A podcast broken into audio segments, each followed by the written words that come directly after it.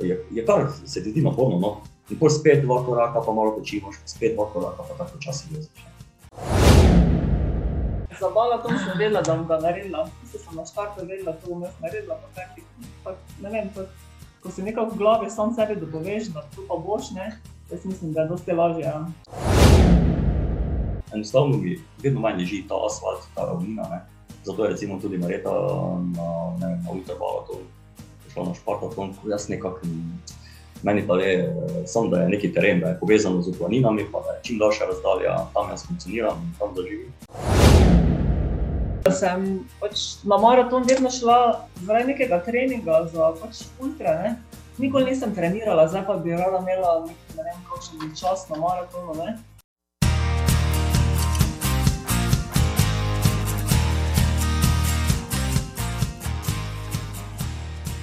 Poštovano gledalstvo in poslušalstvo, ja, kako lepa epizoda bo tole, ne samo zato, ker je to številka 111, ja, se pravi, tri enke za nas tri, ki smo danes tukaj le um, uh, pričakujoč prav lep pogovor.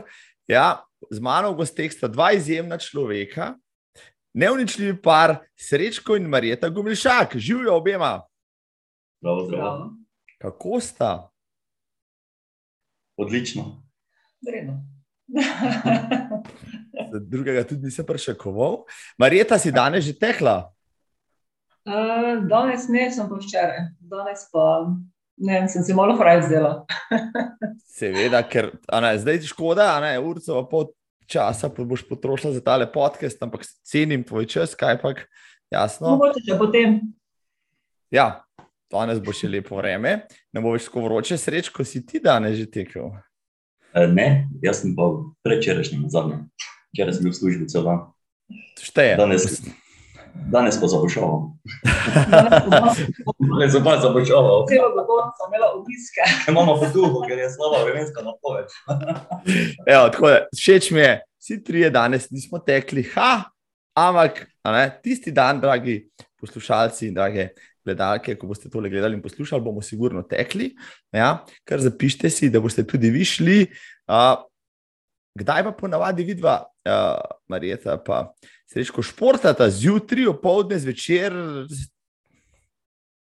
Pri meni je čisto vem, različno, odvisno pač eh, od kakšnega dela doma ali kaj tak si pač razporedim. Zjutraj, jutraj niti pravno nisem, ne, tako da bolj popoldan kot zjutraj. Mhm. To je bolj običajno tako. srečko, kaj pa ti praviš na to vprašanje? Jaz sem pa bolj uh, večerni, uh, tako da precej uh, kilometrov sem opravil sploh v prejšnjih letih, celo po noči, uh, kar mi zelo ogaja, ne, sploh če, če vreme. Uh, pa pravim biti čim bolj uh, priložnostno naravnan, no, tako da imam ogromno nekih uh, istomišljenikov, ko en drugega malo večamo, ne, in uh, pol greš, kar greš, ne, uh, se dogovoriš in pol pa čisto odvisno, ne. Eh, na pohor je po, po, glavno po naravi, tudi okrog, eh, ravno okrog doma, nimamo teh nekih ribov, ker dosti greva tudi rada, mislim, hribe teč.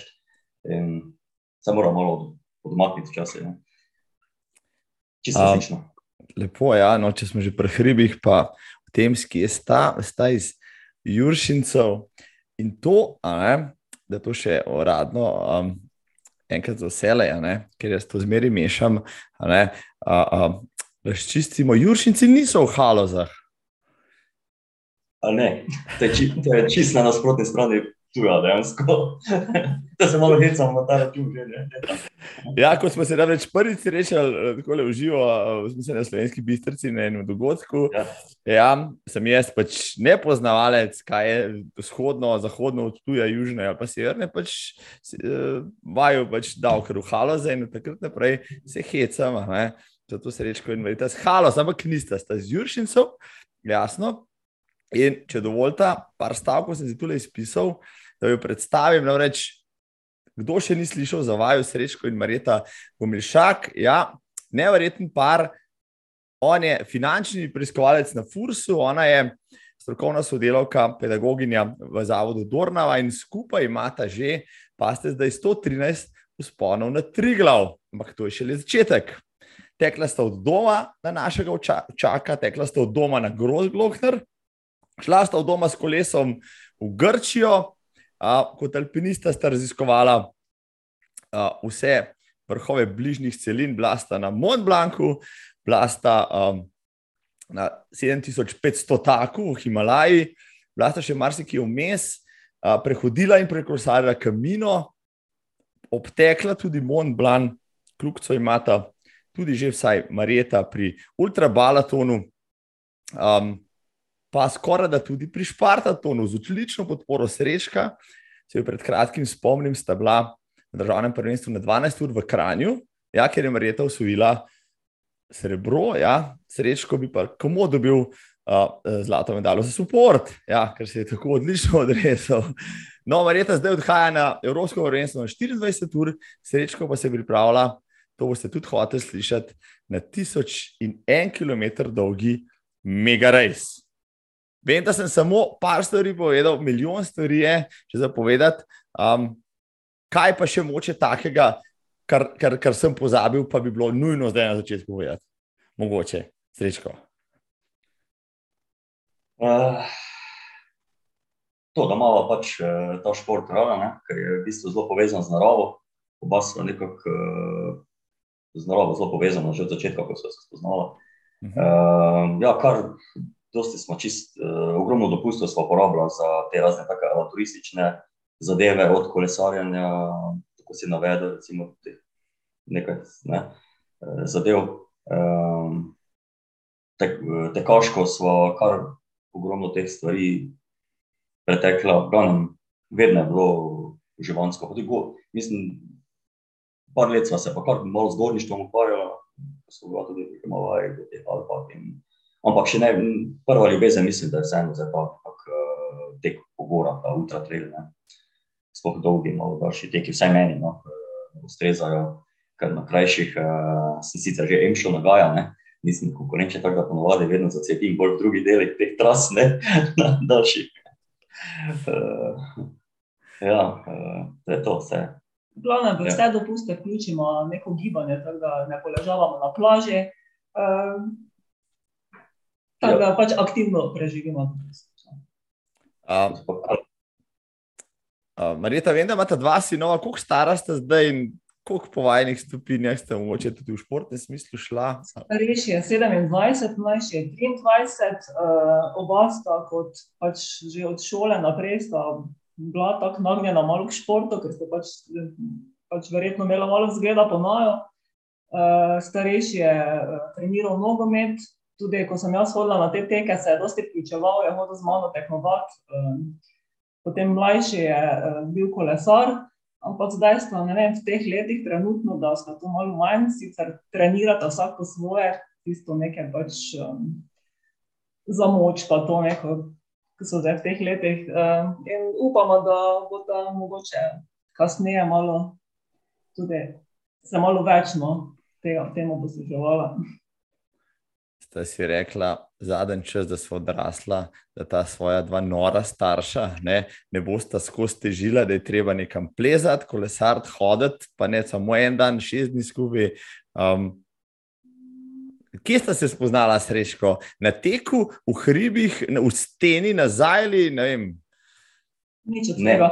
Ne, nič. Eh, v bistvu na, na delovnem mestu, ker smo čisto različni podjetji, so takrat uh, bila zaposlena, ampak uh, vis-a-vis, tako da, se, tak da smo se videvala nekako. In... Srečko na carini, jaz pa prek študenta v duty free shopu.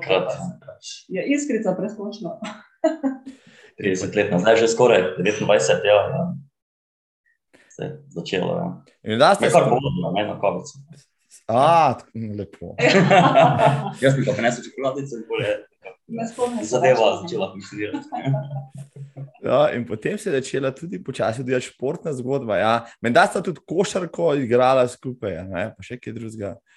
Ja, priložnost. No, ja. To si kar sem imela pač uh, prosti čas, smo šla na igrišče, tudi ko sem bila sinova še ne vem, vozičko, pa to in pa sta zraven vozičko, bila mi, da smo lahko šmetala, pa tak, takšne zadeve. Pa planine, pa to. Te pa, ko smo pač eh, začela graditi, pa ko so bili pač otroci manjši, še nismo nekaj dosti Se pravi, sem v glavnem to, takšne stvari, košarka, pa planine.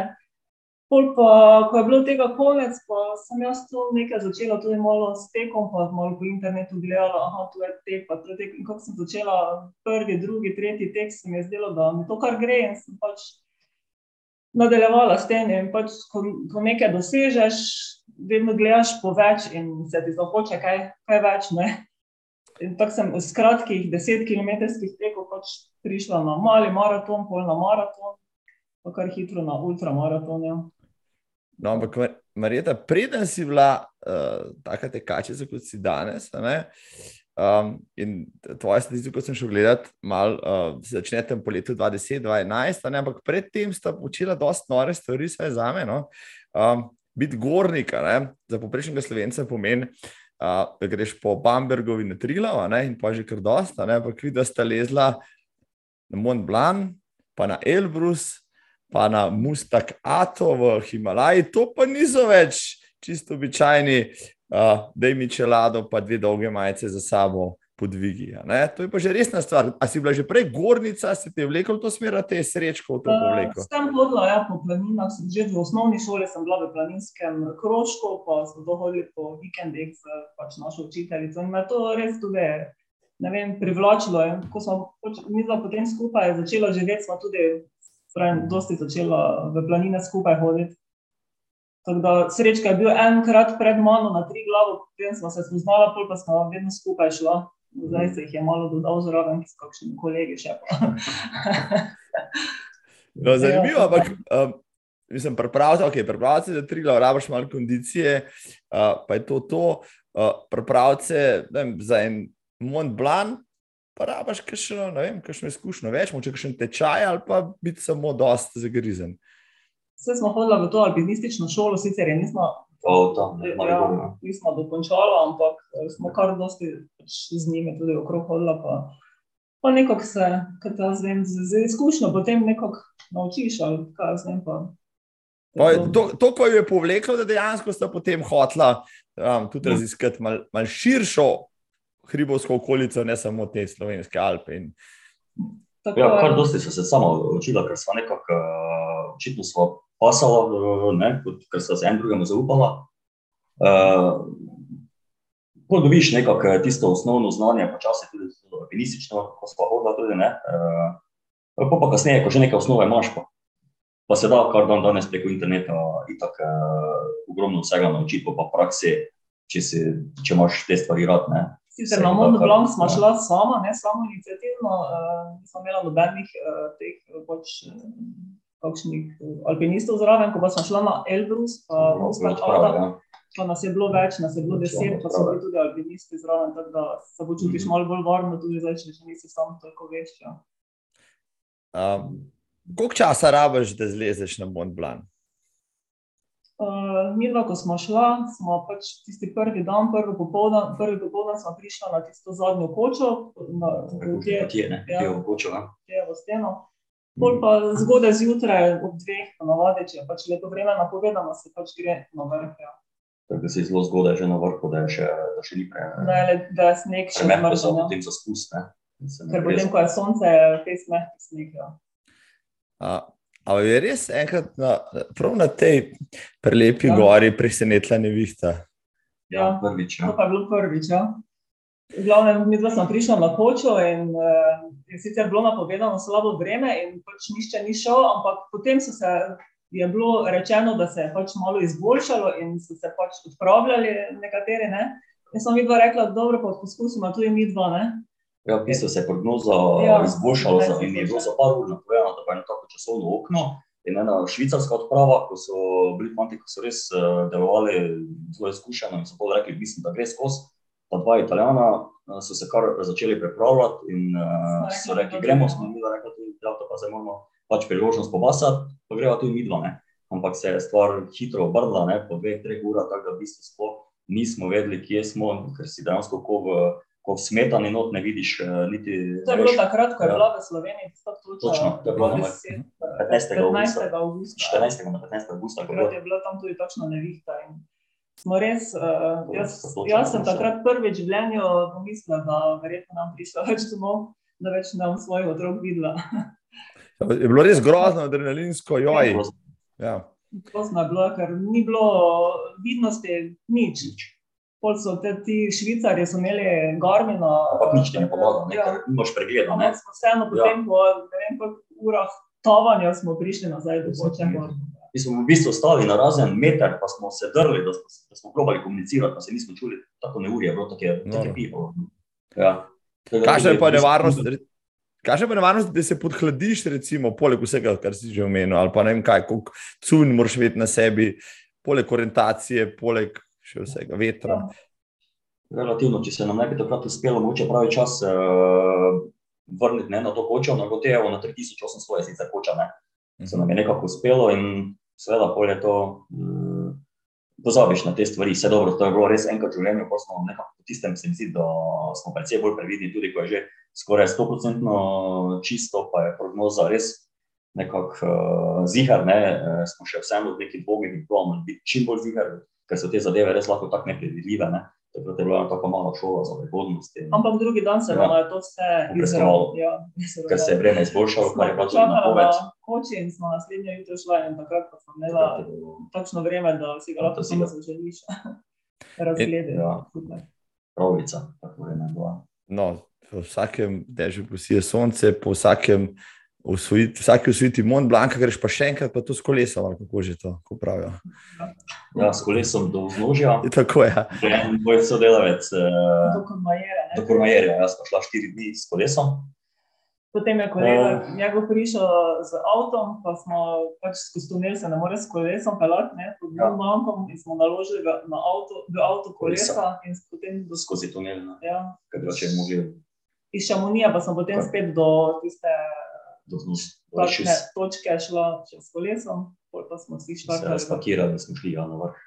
Vse takrat smo imeli super vreme. Ne. Ja, to je bilo. Ja. Slišiš se, sliš se zelo preprosto, kolesar še ne štiri dni, se stopiš, pa greš pa še malo na vrh, a ne?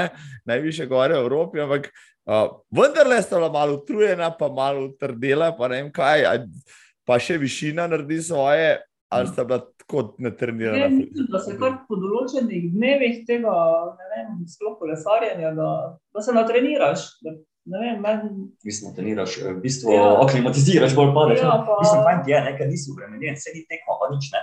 To je avanturistična zadeva in potem je res fajn, ker si sam nisi uh, utrujen, tako ja. da ne bi mogel. kreiraš si v bistvu sam tisti delovnik, ne, od jutra do večera, sicer res, da smo probali vedno, ko smo kam šla, čim bolj izkoristiti, da še imaš potekati neko zadoščenje, da no, nimaš občutka, da si pa malo zadušaval, ne, bolj čudno čut. Ampak eh, je pa vse dejansko nič ne zgubiš, Eh, kljub temu ti je lepo, ker si sam kreiraš eh, zadevo, ne. Vse vidiš, nisi lačen, nisi že. Bolj mislim, da seveda da je naporno vedno pogreš eh, gor na vrh že zaradi malo višine, ampak greš počasneje, to mislim, koliko počasneje, glavno fajn je vedno, ne, fajn je bilo lepo doživetje.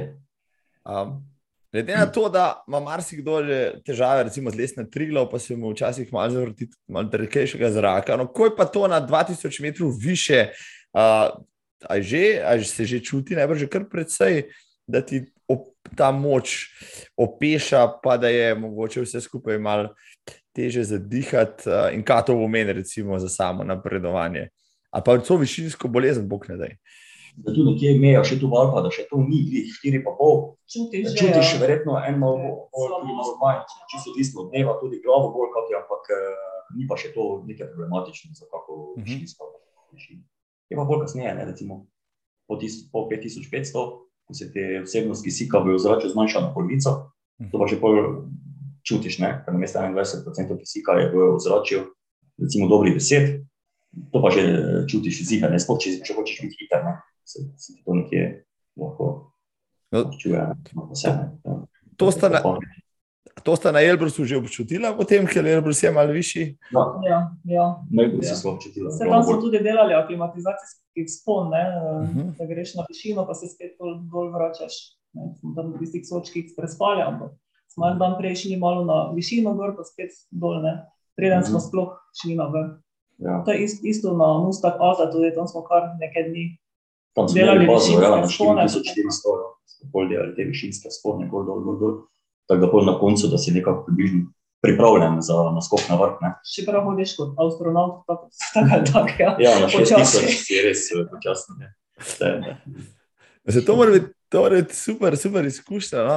Um, Elbrus, pa, pa prigode za Kaukazijem, mislim, ko pa je tam, ko pa je tam zgledal, to je pa čisto druga kultura. Da so jo policaji lovili, ker ste bila. Ja. pač inozemca. No, ja, ko smo šli na Elbrus, ja, mi smo šli s svojim avtom, e- e- ekipa zraven, pa se še spomnim. In res so bili neki uniformirani ljudje na vsakem koncu in to vedno drugačne uniforme, tako da sploh nisi vedel, ali so policija ali kaj so. In so kasirali, pač zamislili so si, ali si polno črto prevozil, ali si ne vem, kaj koli, v glavnem. Nekaj so si izmislili, da si naredil, da si pač Ja. kazen plačal. To je bilo prav zanimivo. Ne? Jaz sem dobil informacijo, preden smo šli, da te načrtno zaustavljajo in te kar kasirajo. Pa jaz tega nisem verjel. ne. In pol res uh, skozi Ukrajino ni bil problem, ne dol do ruske meje, od Rostova na Donu, uh, Rostov na Donu, ne, pa pol, ko se pelješ dejansko skozi vse te pokrajine, kaba, uh, severno Osetijo, Mhm. Čečenijo, Kabadino, Balkanska pokrajina, pol proti, proti tej dolini, not, uh, ko razmeji ne, Rusijo, Gruzijo, ne, pa se gre na Elbrus. Ko so nas prvič zaustavili in so nas pokasirali, kot da bi se informirali med sabo, to so nas kar zaustavljali. In so si kar zmišljali, da smo povozili eh, črto, narušavali linijo, so, so imeli izraz. Tako črte ni bilo na cesti, ne. Zmeraj so bile- so krave, so ležale s ceste. Mogli se ustaviti, nismo mogli mimo. In potem nekako nam je uspelo priti mimo, in so nas že eh, pet minut po tistem zaustavili, da smo se, da smo se vozili po nasprotnem pasu. fore. Tako da je res zanimivo. Ne? Ja, enkrat so pa celo se nam lahko tisti zadnji, eh, ko, so nas, ko so nas zadnji zaustavili, so kombija spustili naprej, so dva sta bila tako uniformirana, dejansko z nekim Hyundaiem sivim, brez registrskih tablic, so nas zaustavili, zatemnjena stekla. In so rekli, da oni naj kar grejo naprej, in so pol naj avto, in so nam kar, da smo ne vem kaj vse, eh, ne vem, kakšne prekrške smo nam je uspelo ne, narediti. Ne. Uh, in so nam kar, da, na, da, naj bojo, da naj bojo nekam na upravno enoto peljali, pa na policijo, pa ne vem kaj bo vse, pa kako dolgo bomo zadržana. Ja. In pol je le nekako si je pa en zmislil, pa je rekel, razen 20 evrov, če vsake, ne, da. Pol, ampak sta bila taka cela repeča, teča, da nisem vedel, me zdaj zezata, ne, da bo, da se če ne namo s temi 20 evri, ga še bolj razjezil. Ne. In bolj smo res nekako, smo dala tisti 20, uh, sem mislila, pa zdaj smo kašine, koščani, kaj bo še, ne, naprej zdaj, ne. Ampak res, bolj smo tisto dala, pa so me natirali, zdaj, ki samo črta, da, ne, da več ne vidimo, pa smo šla, ne. Ampak eh, ni nam bilo vseeno, ne. Oni so pa kar, oni so pa mogli iti, spomnim, sicer so rekli, da so se pol nekje spredi zaustavili, pa se niso upali vračati, nekaj sta bilo tako. Je kar, ja, to. Ja. Tako dogodivščine, prave, ja. Um, Tako da je to v bistvu čar še tega takih pustov, ne. Prav, ho- hočete reči, eh, zrečko, da, da je naj, najhujša stvar, so, so bili policaji, ki ste šli na Elbrus, vse ostalo ste zmogli po šolsko ali kako. Ja, ne, je, eh, res je bilo fajn, ker smo imeli fajn ekipo. Dogodivščina je bila taka, da, da, v bistvu, da sploh težko urišeš, kaj je bilo tisto, kar je bilo največ pozitivnega, pa negativnega v taki zgodbi. Ne. Super je bilo na koncu, to je samo en tak, se mi zdi. Ste imaš nekaj Eh, spomina. Ja, samo začimba, ne, so take zadeve po poti. Ja. Tako odpravo, vendarle rabiš pa kar nekaj časa, ne boš teden, dva, kako pa vreme moraš počakati, pa si predstavljam. Ja. Mi smo porabili za Elbrus uh, ne, kar 14 dni, zakaj, S- več kot 10 dni, ker smo se, uh, dol smo se vozili 5 dni. Aha, uf. Ker to je le uh, nekih 3500 km ne, do, do vznožja in smo vmes počivali. Prvič sicer na Balaton Boglaru, tu na Mačarskem, ker smo prvi dan čist malo kilometrov uspeli narediti, ker smo se uh, zelo pozno nekako srečali. Nekako. Uh, smo pol čez Ukrajino, čez Ukrajino se popelješ 1800 km, ne, Lviv, Kijev, pa dol na Terskol, mislim na Harkov. In smo dvakrat spali vmes, ne, tako da smo porabili vse skupaj dni, ne, pol tri, tri, štiri dni, ja, z, z, z spustom red za Elbrus, dobre tri dni, pa še pol pot domov, ne, ker smo bili z avti vsi. Je kar, ja, tako da dva tedna do tista, pa je šlo. Um, in potem, aj bo potem, potem čist eh, organsko in naravno, da jo pokliče tudi Himalaja, ali kako se odločili, pa še za podvig, ki je pa še 2000 višincev više. Tako sem rekla, isto kot pri teku. Ne? od malega vedno več, več, več, ne, tako je, tak je to isto. Ne.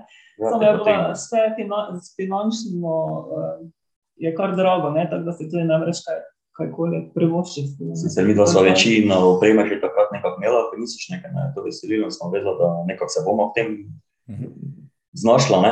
Tako da je pol vseeno malo lažje bilo, ko sva dobila ta klic, eh, ne, eh, pa da bi se pač formirala ekipa in sva kar nisva mogla se odločiti za ne, ne. Sva rekla, ja, to moramo, to je priložnost, eh, to bo fajn, ne. Eh, In je res bilo fajn, ne. Sam 7500 je pa že, joj, to pa, se pa ne znam predstavljati, no, to je pa že spoštovane vredno. To, to, to je pa že tisto, ko ti kdo reče, kam greš v Himalajo, ups, a ne, to je pa faktor, da se ti karkoli zgodi, se ti poveča krat tisoč in tako naprej. Um, cel kup enih dodatnih dejavnikov najbrž, ne, ki te prestrašijo, na kar moraš misliti. Pa potem seveda višina in priprave pred tem. Kako, a, so, a ste imeli kakšne posebne priprave potem za, za, za ta naskok, ali sta pač tisto pripravljenost, ki ste jo imeli, izkoristili zgolj? Fizično kondicijo smo tako ali tako imeli, ne, zdaj glede višine pa pač moraš, ali ne zdaj, če so te višinske sobe, ampak mi do tega nismo se poslužila, smo Malo pač. pritisnil za vodo na prosglopne, ne. Ja, to je edino, na preč, prečila smo te Peninske. uh, Peninske Alpe v Italiji. Ja. Ja, te štiri tisočake, to je bilo. Uh, pa, pa potem se pač tako, da se sproti aklimatiziraš, tam neko delaš te spone aklimatizacijske. Na takšen način. Ja, v bistvu to je ja, aklimatizacija. Ne? Okay. K- a, Kakšna je, bila tem, kakšna je temperatura tam bilo na 7000, 7500? A je to minus 30, kot pravijo, ali je to kaj manj, ali kako to zgleda, si ne predstavljam. Potem je bilo nekaj 32, ne? Eh, Takrat je nam vodja odprava, odprave, ko smo se pogovarjali, ne, eh, mi bi ne šli z namenom, eh, pač, eh, zraven so se opravljali sporedno neke preiskave, raziskave vpliva višinskega zraka na človeški organizem. Ne. Mhm. Pa en kolega se s- nekako se s tem tudi ukvarja, tako je bil član eh, ekipe. In uh, sva mi dva, takrat, ko sva bila na 6800 metrov, ko sva dejansko čakala tisto jutro za naskok na vrh, ne, Zadnji tabor. Eh, zadnji tabor, ja, eh, v bistvu tako nisva spala zaradi periodičnega dihanja, ker je premalo kisika v zraku in tako ne moreš zaspati. Ne. Se ti samo dihanje zaganja, ne. zdaj itak, da še to imaš vse pomržnjeno, uh, tiste višinske čevlje imaš na nogah, jaz sem dreze celo na nogah, ko sem samo sedel noč od toga, čakal, da bo tista ura enkrat tri zjutraj. Ne. In uh, takrat, ja, so, dobra sem informacija, pa naslednji dan, da oni, ko so bili na 6200 metrov, da je bilo 38 stopinj minusa takrat, ko smo štartali. Je bilo minus 38, je bilo kar hladno, s tem, da čez dan, ko se pa naredi dan, je pa bilo vmes eh, prav naporno vroče, se ti zdelo, prav toplo, tisto, ko ima sonce močne, pa po noči je pa bilo festa. Ja, tako da, ko smo mi dva recimo štartala iz 6-8 stopa, ko smo vezla tam iz eh, 7000 eh, proti 7500, smo po dva koraka delala, pa smo se zaustavila, pa smo si že skoraj, mm, sva se nekako sva bila že prepričana, da ne bo šlo, ne mislim, da se pa res v tistem takem je, je kar se ti zdi naporno. No? In pol spet dva koraka, pa malo počimaš, spet dva koraka, pa tako počasi greš. In je to, to. bolj počasi gre se skupaj. Ja, nekih 500 višincev ja, v slovenskih gorah ne, traja, da jih premagaš vem, pol ure, če si malo treniran. Um, tam pa prav tako časa od 7000 do 7500. Vse nima več občutka, glavno vse spodaj, ko smo enkrat, recimo drugič, tretjič, ko smo delali s 5,5, iz 5, 200, 5, 400, pa potem, ker se vmes pa tudi spustiš na 4, 400, v bazni tabor se vmes spustiš, se malo regenerira telo, ne. Uh, pa pol tisti naslednji sponi spet, ne vem, na enko, pa na dvojko, na 5, 400, se ti zdi, da ti kar gre, da so, da so kar hitri, ne, se ti zelo hitro zdi vse skupaj, ne. Ampak pol uh, tisti zadnji metri, ne, gor proti vrha, pa res počasi. Dobro, prej sem uh, dva koraka provizori, ne sej narediš, recimo vmes, ne, 10 ali pa 15. Ne, ampak je res, uh, zelo naporno, ni občutka, pravim, se je kar vleklo, ne. Časovno se je kar vleklo. Nikam ne, se ti zdi, da nikam ne gre, ne, da si non stop. Ja, pa sploh, če je kak je, mislim, ker tam se pa en čas uh, si ti zdi, da si na tistem pobočju, je kar velika razdalja, se pa ne vidi, ker je to veliki masiv, ne. Se ti zdi, da si non stop na istem mestu, pa se kar ne trudiš, pa trudiš, pa ne zlezeš nikam, ne. Ampak, ja, se hoje.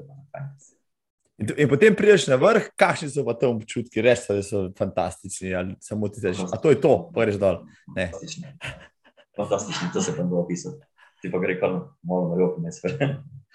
Ja. Um, Marjeta, no, pa sta usvojila 7,5, a z- kaj še želje, da bi pa to še presegla, pa pol ni bilo več, ali kako. Ali, Se pravi, da je to tako finančno. aha, finančno je tudi težko. Tako je, Da si to težko privoščiš. No. Ampak, če bi vam en dan dal žakelj denarja, pa rekel, zdaj ga potrošite za kar koli hočete, kaj bi izbrala? Jaz osebno ne, naslov pa čuvajo, pa še šampantno. Ja. Tako je bolj, ko je malo več garanja, pa ni mogoče. Jaz pa vse, kar reče srečko, ja, rečem tudi jaz. Ja. Ker za veči, večino teh postolovščin, ki smo jih pač dala skozi, je bil on, eh, kako bi rekla, Inicijator, ja, Ja. samo on si je Marjeta pa zamislil pol vleče, mogoče stvari, ja, pa je treba dotirati no. Nekako se oba nekako probamo eh, skombinirati, da zadeva. On glavno to vse splanira, to je tak, tam, tam, tam, pa tak, tak, te pa, jaz pa pač ne, pač zraven. Kako? Mislim, Marjeta, odlično. Jaz sem naslednje vprašanje, ki sem odle napisal, je, bila- je bilo, kdo od vaju je dal pobude za te podvige, ampak si že prebrala mi misel, očitno. Ja. Srečko je bil tisti, mu vidim ta žar v očeh, ja, te, a ne, se mu zdaj iskri, verjamem, verjamem da ima še kakšno tako idejo. Um, Glede na to, da ste porabljali vas dopust za televajne podvige, um, kaj pa so pa delodajalci, pa so delavci rekli, ostali so šli v Poreč na plažo, vidva pa na minus 38 v Himalajo. So rekli, da sta nora. Ja, različno dojemajo ja. stvari. Ne? Različno, ja. eni so Mm. pač navdušeni nad tem, eni pa češ, kaj, kaj vidiš tem, ne, pa te imajo malo začudnega. Ja, pač, je težko mogoče res dojeti, če nisi iz istega testa, ne, je težko dojeti. ja. Takšno niti ne moreš razložiti, kaj vidiš tem, če pač ne vem, zakaj se gre.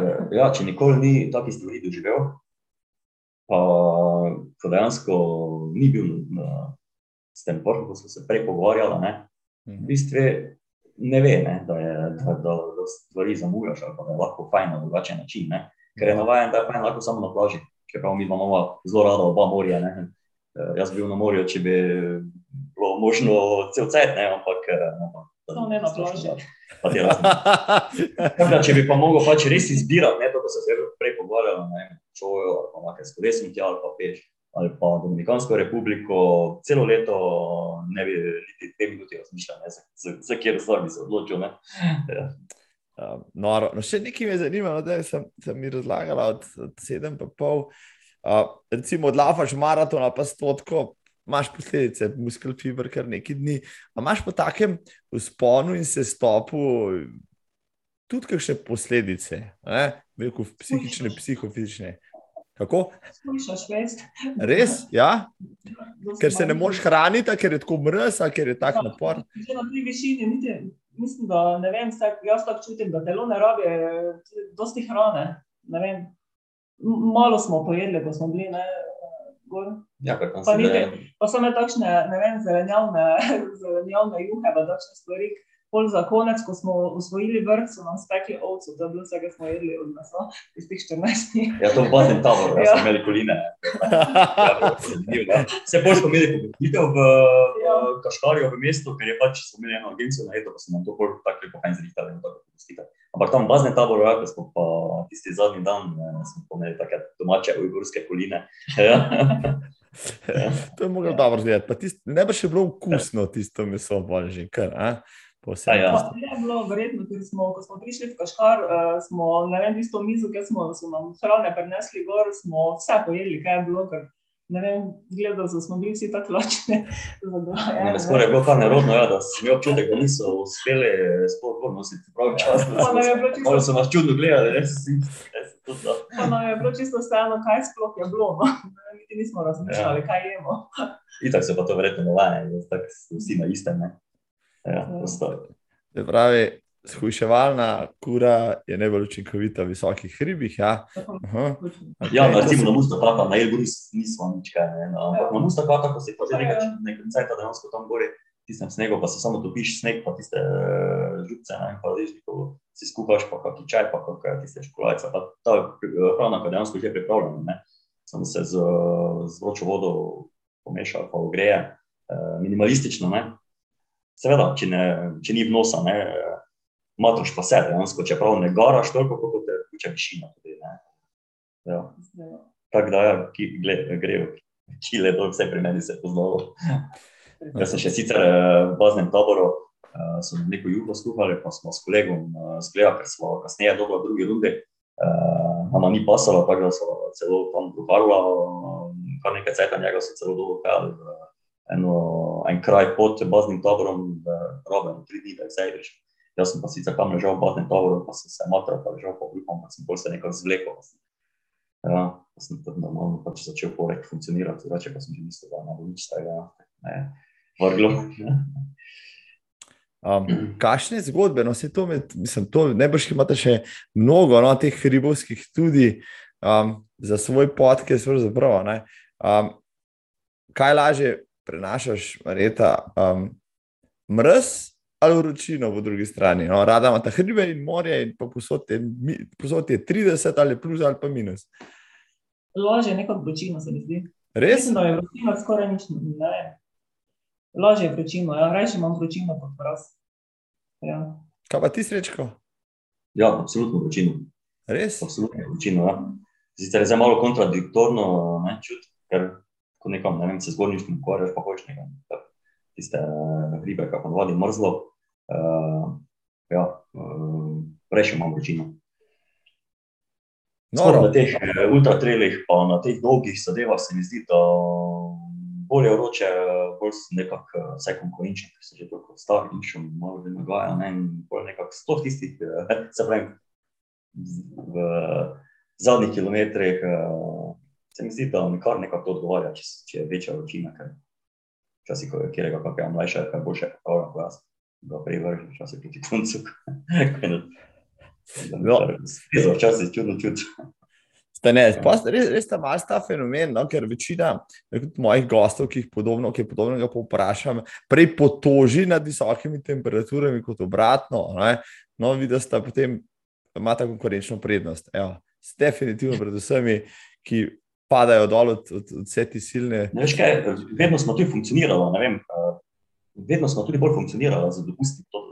Ogromno smo tudi nekako te avanture izvajali, pa pač trenirala po vročini in uh, se zgodi, da to malo bolj navadiš, ti prije pod kožo. Um, se pravi, ja, prej, mhm. ja. prej si omenil, no, da imaš rada tudi morje, rečko, da bi imel morje tudi za hribe, če bi bilo treba. Um, a to pomeni, ko ste videli na morju, vzamete kolesi pa 1500 km proti jugu. Da se vsaj mačken človek noge razmiga, ali kaj, recimo od doma, kam sta šla, v Solun ali kam s kolesom. Mm. Solun, ja. Ja, to smo se dogovorili z, še z dvema paroma, ki smo že predtem dvakrat šli na pak. Trikrat ja, smo bili skupaj. Ja. S kolesom, ja. S kolesom, ja. Ja. Pa je bilo prehiter konc, ali kako, ja, do paga je bilo čist prehiter. Ja, pol, Bolje je padla ideja ja, za Dubrovnik, ne z njihove strani. ne. Šli v Dubrovnik. In pol smo se odločili in smo šli, in oni so v Dubrovniku si pač zrihtali kombi za nazaj, mi pa smo šli še malo naprej. Zdaj smo pa podaljšali polja čez Črnogoro, Albanijo, Makedonijo, pa dol v Pesalijo, v Solun. Smo rekli, da to moramo izkoristiti, zdaj, ne, ker smo itak eh, bila še prej, ne, par dni. Sicer Ja. se je vzela en dan v Dubrovniku, da smo bila. Ja, pa Vulcinjo. Na ulici, da smo bila dva dni. Ja, Mhm, Ja, tako da smo res to. Zdaj pa še z Zanimalo. Nazaj pa z vlakom. Koliko Zdaj, smo pridni, smo kolesarno, ampak smo Mhm. imeli prej. Um, Marjeta, koliko kilometrov na dan pa sta obrnila na pedalih? Evo, čistko za ilustracijo. Uh, različno, kako smo približno. Od 250 do 300 nekje, ja. Zdaj to, ja, to Da, tudi ko smo skupaj, ko smo skupaj šli, ko smo skupaj kolesarili, največja skupina. Ja, Pa sva pol mi dva tudi, recimo, ne, ko sva se vračala recimo, domov, ponavadi, ko sva hodila na pak ali pa na rab, sva vedno tu nekje okrog- okrog od 250 do 300. Ja, tako da sva en dan pa pol vedno rabila domov, enkrat sva vedno prespala, tu nekje blizu Zagreba, uh, ali pol sused, ali pa, ja, tako da sva pol naslednji dan še imela tisto. Moram pa povedati, da smo pa šla enkrat z sinom, sin, ko je Ja. bil star, tam mlajši sin, 12 let. Je imel takšno željo, da bi pa tudi on kolesal na morje, in smo se odločili, ko smo šli Skupaj. skupaj. Ja. Eh, Pa je tudi pri 12 letih navir pri kolesanju. Noro. Koliko je to Ja. kilometrov, da jaz povem svojim sinom, ki si niti podrazno ne predstavljata, da bi in rečem, peta v trgovino s kolesom, pa to je dva km pa pol, pa dobim zavijanje z očmi, no, samo za, za to, da svojim otrokom povem, koliko kilometrov. 300. Tam nekje okrog 350 eh, se nam je zvrtelo. Ja, no. Mhm. Sicer smo dvakrat prespali, smo se malo več časa vzeli, Ja. ampak Tako da me je res bilo malo vražje. ne. ja. mu je bilo nepozabno. pozabno. Ampak je na koncu, na koncu mu je letelo, tako da smo ga komaj sledili. Tako je bil motiviran na koncu.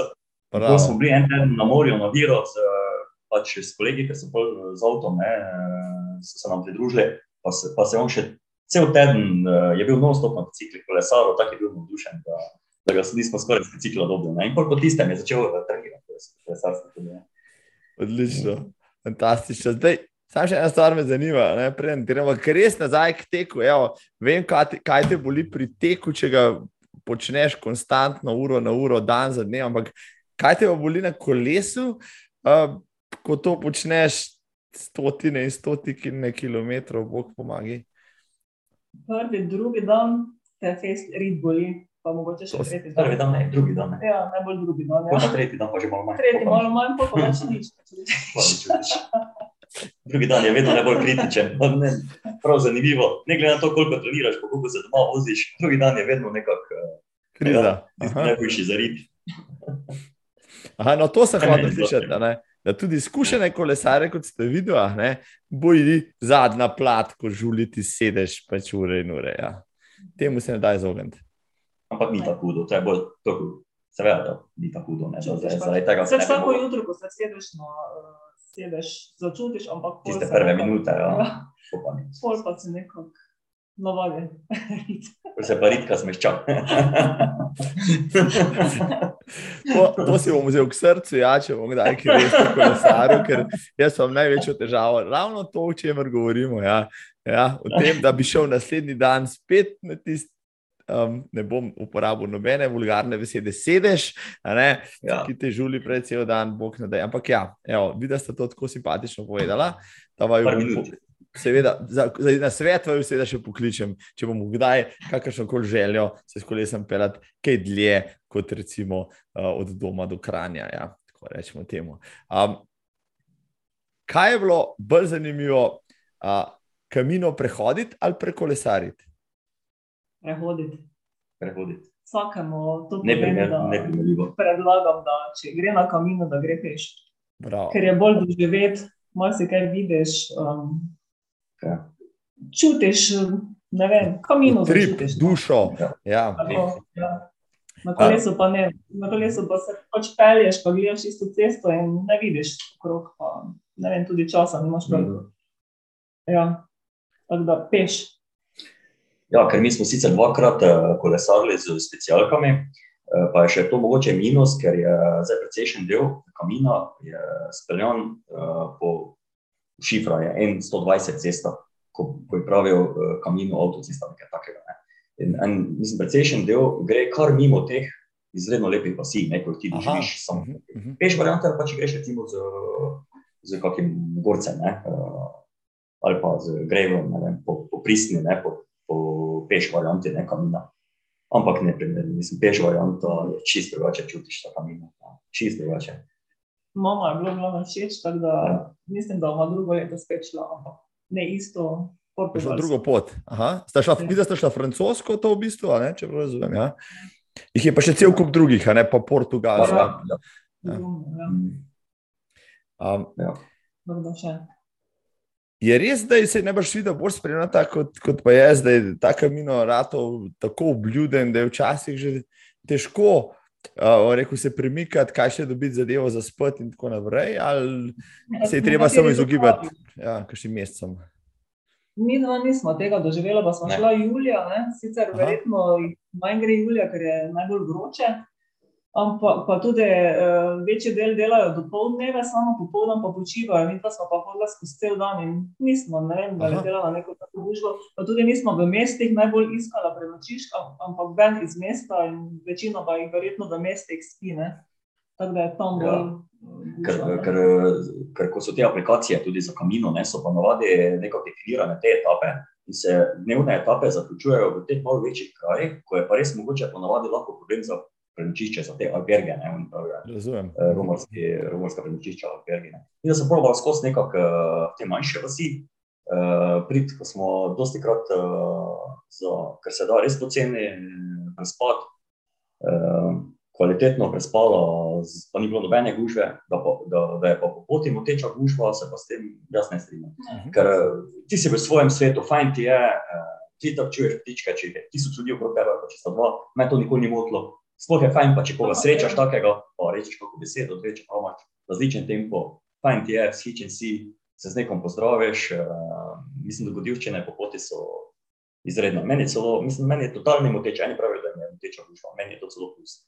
Uh, pa ni taka gužva, da, da Mogoče res tem, ki delajo te etape, kot so pač tam napisane, ja, da Ja.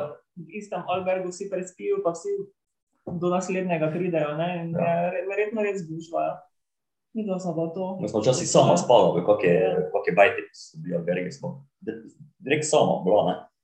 Ko smo imeli par sob uh, za po dve prenočišči, pa je bila najna soba edina zasedena. Sem imel kopalnico za stvari opraviti, pa- tako da si se res naspal do petih zjutraj, da si spet štal tam. ne. Ni bilo bilo tega čutiti. Treba biti iznajdljiv, mogoče za odtenek hitrejši, da potem narediš še kilometr več, pa da iščeš manj obljudene lokacije. Bravo, Ja. zelo dober na svet. Vidite, da sta rabila, ne vem, ponavadi rabijo ljudje za, za kaj takega, ker je še mesec za francosko pot, da sta rabila precej manj. a Ne? Ja, 13 dni smo rabili. Do Satjaga, ne? Do Satjaga, pol pa še en dan eh, po podu, ker sem šla do Atlantika, do Finistere, pa pol na sever, do Buksije, tako sva ga bilo tako zaključeno, celoto pa ga smo neko tisočko pol skupno brala. Mm. Se, kakšni podvigi, res, res jaz, jaz, sem, jaz sem bral tiste zname, res sem na- totalno navdušen. ne, Imam toliko vprašanj, pa premalo časa.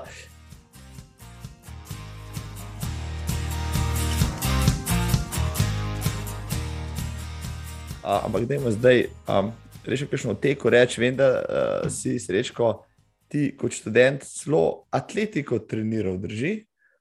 Ja, v, v tistih dijaških, eh, študentskih letih, predvsem študentskih, dijaških, sem dejansko bolj treniral sam za sebe, sicer sem se spogledoval tudi z uh, Mariboru, z Poljanami, ko sem včasih hodil tja čist privatne, spogledal pa to atletiko, ker sem ogromno hodil na te razne krose, na srednje šolsko, na te srednje šolske, tam ponovadi. Sem imel takrat uh, zelo dobre čase, tudi na teh krajših razdaljah, na 600 metrov, na 1500, kar koli kasneje, nisem nikoli več ker sem se nekako mi bolj odgovarjal te daljše distance. Ne? Ampak takrat sem pa kar, ja, bil bolj sploh za cajta študija, sem pa treniral ne atletiko. Uh, pa mi je kar kakšna desetka, dvajsetka, ja, mi- to mi je, mi je kar šlo, uh, ampak uh, sem bil bolj, uh, bolj samoiniciativen, vedno nekako uh, bolj, bolj sem užival v naravi, no, za, za to kondicijo, kot pa da bi bil sam tekmovalec po duši, ne, nisem se nikoli videl kot nekega tekmovalca, ne, vedno sem imel občutek, da, da ne dam nekako, da ne vem biti borec, ne, da, da ne vem biti tekmovalec, da sem bolj tisto uživač v naravi, v tekih. V, ne, ne. To bolj na ta način sem doživel ta tek. Ne. In potem, ko si nekako zaključil to študentsko, atletsko kariero, se tega nisi potem dolga leta posluževal ali pač kot čisto preživljanje prostega časa, priložnost. hm? Bolj priložnost, v bistvu čisto odvisno od ekipe. Če smo šli kam v planine, je gradala rutina, da če je bil taki tim, da smo kar laufali, ker nam je res bilo fajn. Takrat, če ni bilo teh ultratrailov, ne, tu pri nas okrog, ne po Sloveniji, po Hrvaškem, pa bližnji okolici. Uh, in ja, ko se je to začelo, je to bilo zelo fajn, da si se lahko nekam, prijavil na kakšno tekmo, pa da si užival tudi na tekmi. Ne. Uh, ja, drugače pa tiste bolj taki tek, pa priložnosti tudi recimo doma. Ne. Uh, čist tak, eh, odvisno od da bi pa redno treniral, pa takrat eh, celo to obdobje, ko smo gradila, pa sem imel otroke, nismo, ja, pol nismo, ker tudi ko smo se mi dva spoznala, smo, sicer smo bila vedno aktivna, ampak skozi nekako eh, smo kombinirala, da so da niso bili hendikepirani otroci, ne, da smo skupaj, da smo skozi lahko neki zdravim vlačila, pač po zmožnosti, nekaj sta bilo malo, ne vem, malo že planine, malo na morju smo bili skozi aktivni, skozi smo, recimo, smo si kako malo igrišča uspeli improvizirati uh, z malo žogico, pa smo to dva na dva na stop igrali, ta futbal od malega, ne, to sta skozi bila zelo rada, ko smo kam, recimo na Rabku smo na šli kampirati, sta zjutraj in niste mogli več spati, ker ste že risali črte na pesku, ne, pa no, ta vesela pikala, da smo lahko zjutraj pred zajtrkom že. malo se malo pomerili, ja, s tem peski. Zbalta. Ja, tako da bolj tisto gorništvo, kolesarstvo, smo bolj tako priložnost. Bolj kasneje smo spet, ko so otroci bili malo večji, smo se nekako začela spet malo bolj uh, aktivirati no, po tej plati. No, uh, Marjeta, na intervjuju si rekla, uh, šla sem dvakrat, trikrat na teden malo tam po, po vasi, ne, po Gabrniku, če se ne motim. Ne. Pa sem šla pa tisto leto eno polovičko, malo radence, pol pa že na maraton. To je šlo zelo hitro potem, to je bila že ta bazična kondicija, ki ste jo imeli iz vseh teh športov, da je tako hitro potegnil, ker marsikdo začne teči, pa pol leta in leta malo žugira, pa trčkar, pa mu je to dosta, ampak videla sta pač taka nemirna, nemirnega duha, pa, ve- pa, pa veliko stvari. Znata to hitro narediti, je šlo to- pač to čisto organsko, čisto normalno. Če lahko pretečem deset, jih pa lahko najbrž tudi 42. Ja, res je. Se pravi, začela sem na teh, eh, najprej ta pomorski pokal, ko sem to videla, da to obstaja, po Štajersko, Štajersko-Koroški še malo nekaj zmes. Uh, pol pa sem se prijavila v rojence na, na 21, pa še potem uh, na Ptuju je bila, potem septembra 21 pa še tam. Pol pa se srečamo z Lojsko Bratušo, da smo hodili na zimsko ligo, to vsako nedeljo in ona meni ja. Ja, ona meni pravi, ja, jaz pa sem se prijavila eh, na maraton na Gran Canarijo. Ne? Pa mi dva začnemo študirati, kaj pa če bi dva tudi šla, pa sem se tudi Ja, jaz. Ja. Ja. Pa sem se prijavila tam na maraton. Na Spalmas, ja. Ja, in tisto je bil pač moj prvi maraton, sicer je bil čas 4 ure pa 4 minute, ampak, Taki bolj časni. Ja. Ampak sem bila zadovoljna. In pol je začelo to vleči in pol eh, smo se začeli srečevati z Zdravkom Čufarjevem, on je hodil na te ultre in najprej pol tisto Zagreb Čazma, jaz tu moram iti. Pol smo mi dva zasledila ta Zagreb Vukovar, smo mi dva nagovorila zdravka in smo šli tisto skupaj. In tako se je pol začelo te ultre. Ja.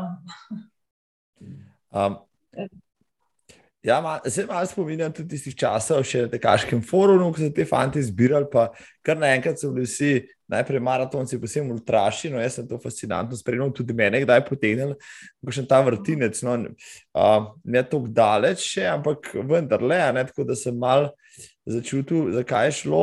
Um, prvi maraton, rekel si, srečko, kje si pa ti pretekel prvi maraton? Jaz pa uradnega maratona nikoli nisem pretekel. A to zato? Eh, tako da sem ga, v bistvu sem uradno, uh, uradno uh, stotko prej pretekel, kot pa, pa 42. Se pravi, maraton niti nimaš uradnega časa, nikjer boš rekel. Ja? Ne, ne, ne, ne. A to zaradi Ja. tega, da uh, Marjeta ne more reči, da ima boljši čas na maratonu, ne, ker veš, da ne bi mogel njenega doseči. Ja, ja se pa ne bi upal več. Uh, na te, uh, pravijo, neko rečem, v krajših razdaljah, uh, nisem niti malo konkurenčen, ne, pravijo, v krajših razdaljah, ker nekako se mi zdi, da bolj funkcioniram na teh daljših, pa sploh eh, na, na teh uh, terenih, ne na Se niti, eh, problem je v tem, ne, da takrat, ko nisem se na 42 uradno nikoli prijavil, če- čeprav sem asfalta kar uh, dosti dolgo cajt, ne, ampak eh, se nisem uspel prijaviti, pa se mi je začelo dogajati, da smo ropali po planinah, po teh, pa po teh trailih, da se nisem več mogel motivirati za, za cesto. In to se mi dan danes dogaja, da iz leta v leto predstavljam, pa si non-stop eh, nekako dopovedujem, da bi pa zdaj eno leto rad riskiral za neke intervale, da bi se spet malo en taki dober čas, na 21 pa na 42, ne, nekako uspel uh, zabeležiti. Ampak mi je nenormalen problem motivacija. Ne. Se res, da vedno časa tudi zmanjkuje, ampak enostavno mi vedno manj leži ta asfalt, ta ravnina. Ne. Zato je recimo tudi Mareta na, ne vem, na ultrabalatu prišla na špartaton, ko jaz nekako, meni pa je samo, da je neki teren, da je povezano z planinami, pa da je čim daljša razdalja, tam jaz funkcioniram in tam zaživim. In mi je fajn, ne, in to pa navadi, pa tudi dobro funkcioniram. Na asfaltu pa nekako eh, ne, se ne dobro ne znajdem, vedno manj. Ja. Super. Ja, Marjeta, mislim, rekel, kar tudi zacveti na asfaltu, vse tisto, kar sem jaz spremljal. Pre, prej, prej sta uh, govorila o kanarcih, pa si rekla 404, taki bolj počasni. No, kaj pa je zate potem uh, dober rezultat na maratonu, oziroma kaj si, kako hitro si ga že odtekla? Za, za, za, zaradi tega, ker to poslušajo tisti, ki jim je to zelo pomembno. Recimo. Ne, niti nimam, ne vem, kakšen dober rezultat na maratonu, 3 ure, 29, mislim, da imam najboljšega, ampak ker, ker se mi zdi, da sem pač na maraton vedno šla zaradi nekega treninga za pač ultra. Ne? Nikoli nisem trenirala, zdaj pa bi rada imela nek, ne vem, kakšen čas na maratonu. Ne? Nikoli nisem šla na maraton zato, da bi si ciljno, pač ja, ja, ciljno, sam na maraton. Ja. Trening, ne? da pač odložim, da neki trening naredim, ker pač doma tako sem, nikoli ne narediš takšnega dobrega treninga kot na tekmi. Ja. Ja. Vse verjetno probaš, ne? samo če imaš premalo treninga teh intervalih, ker ti vse se ti ne izide, ne?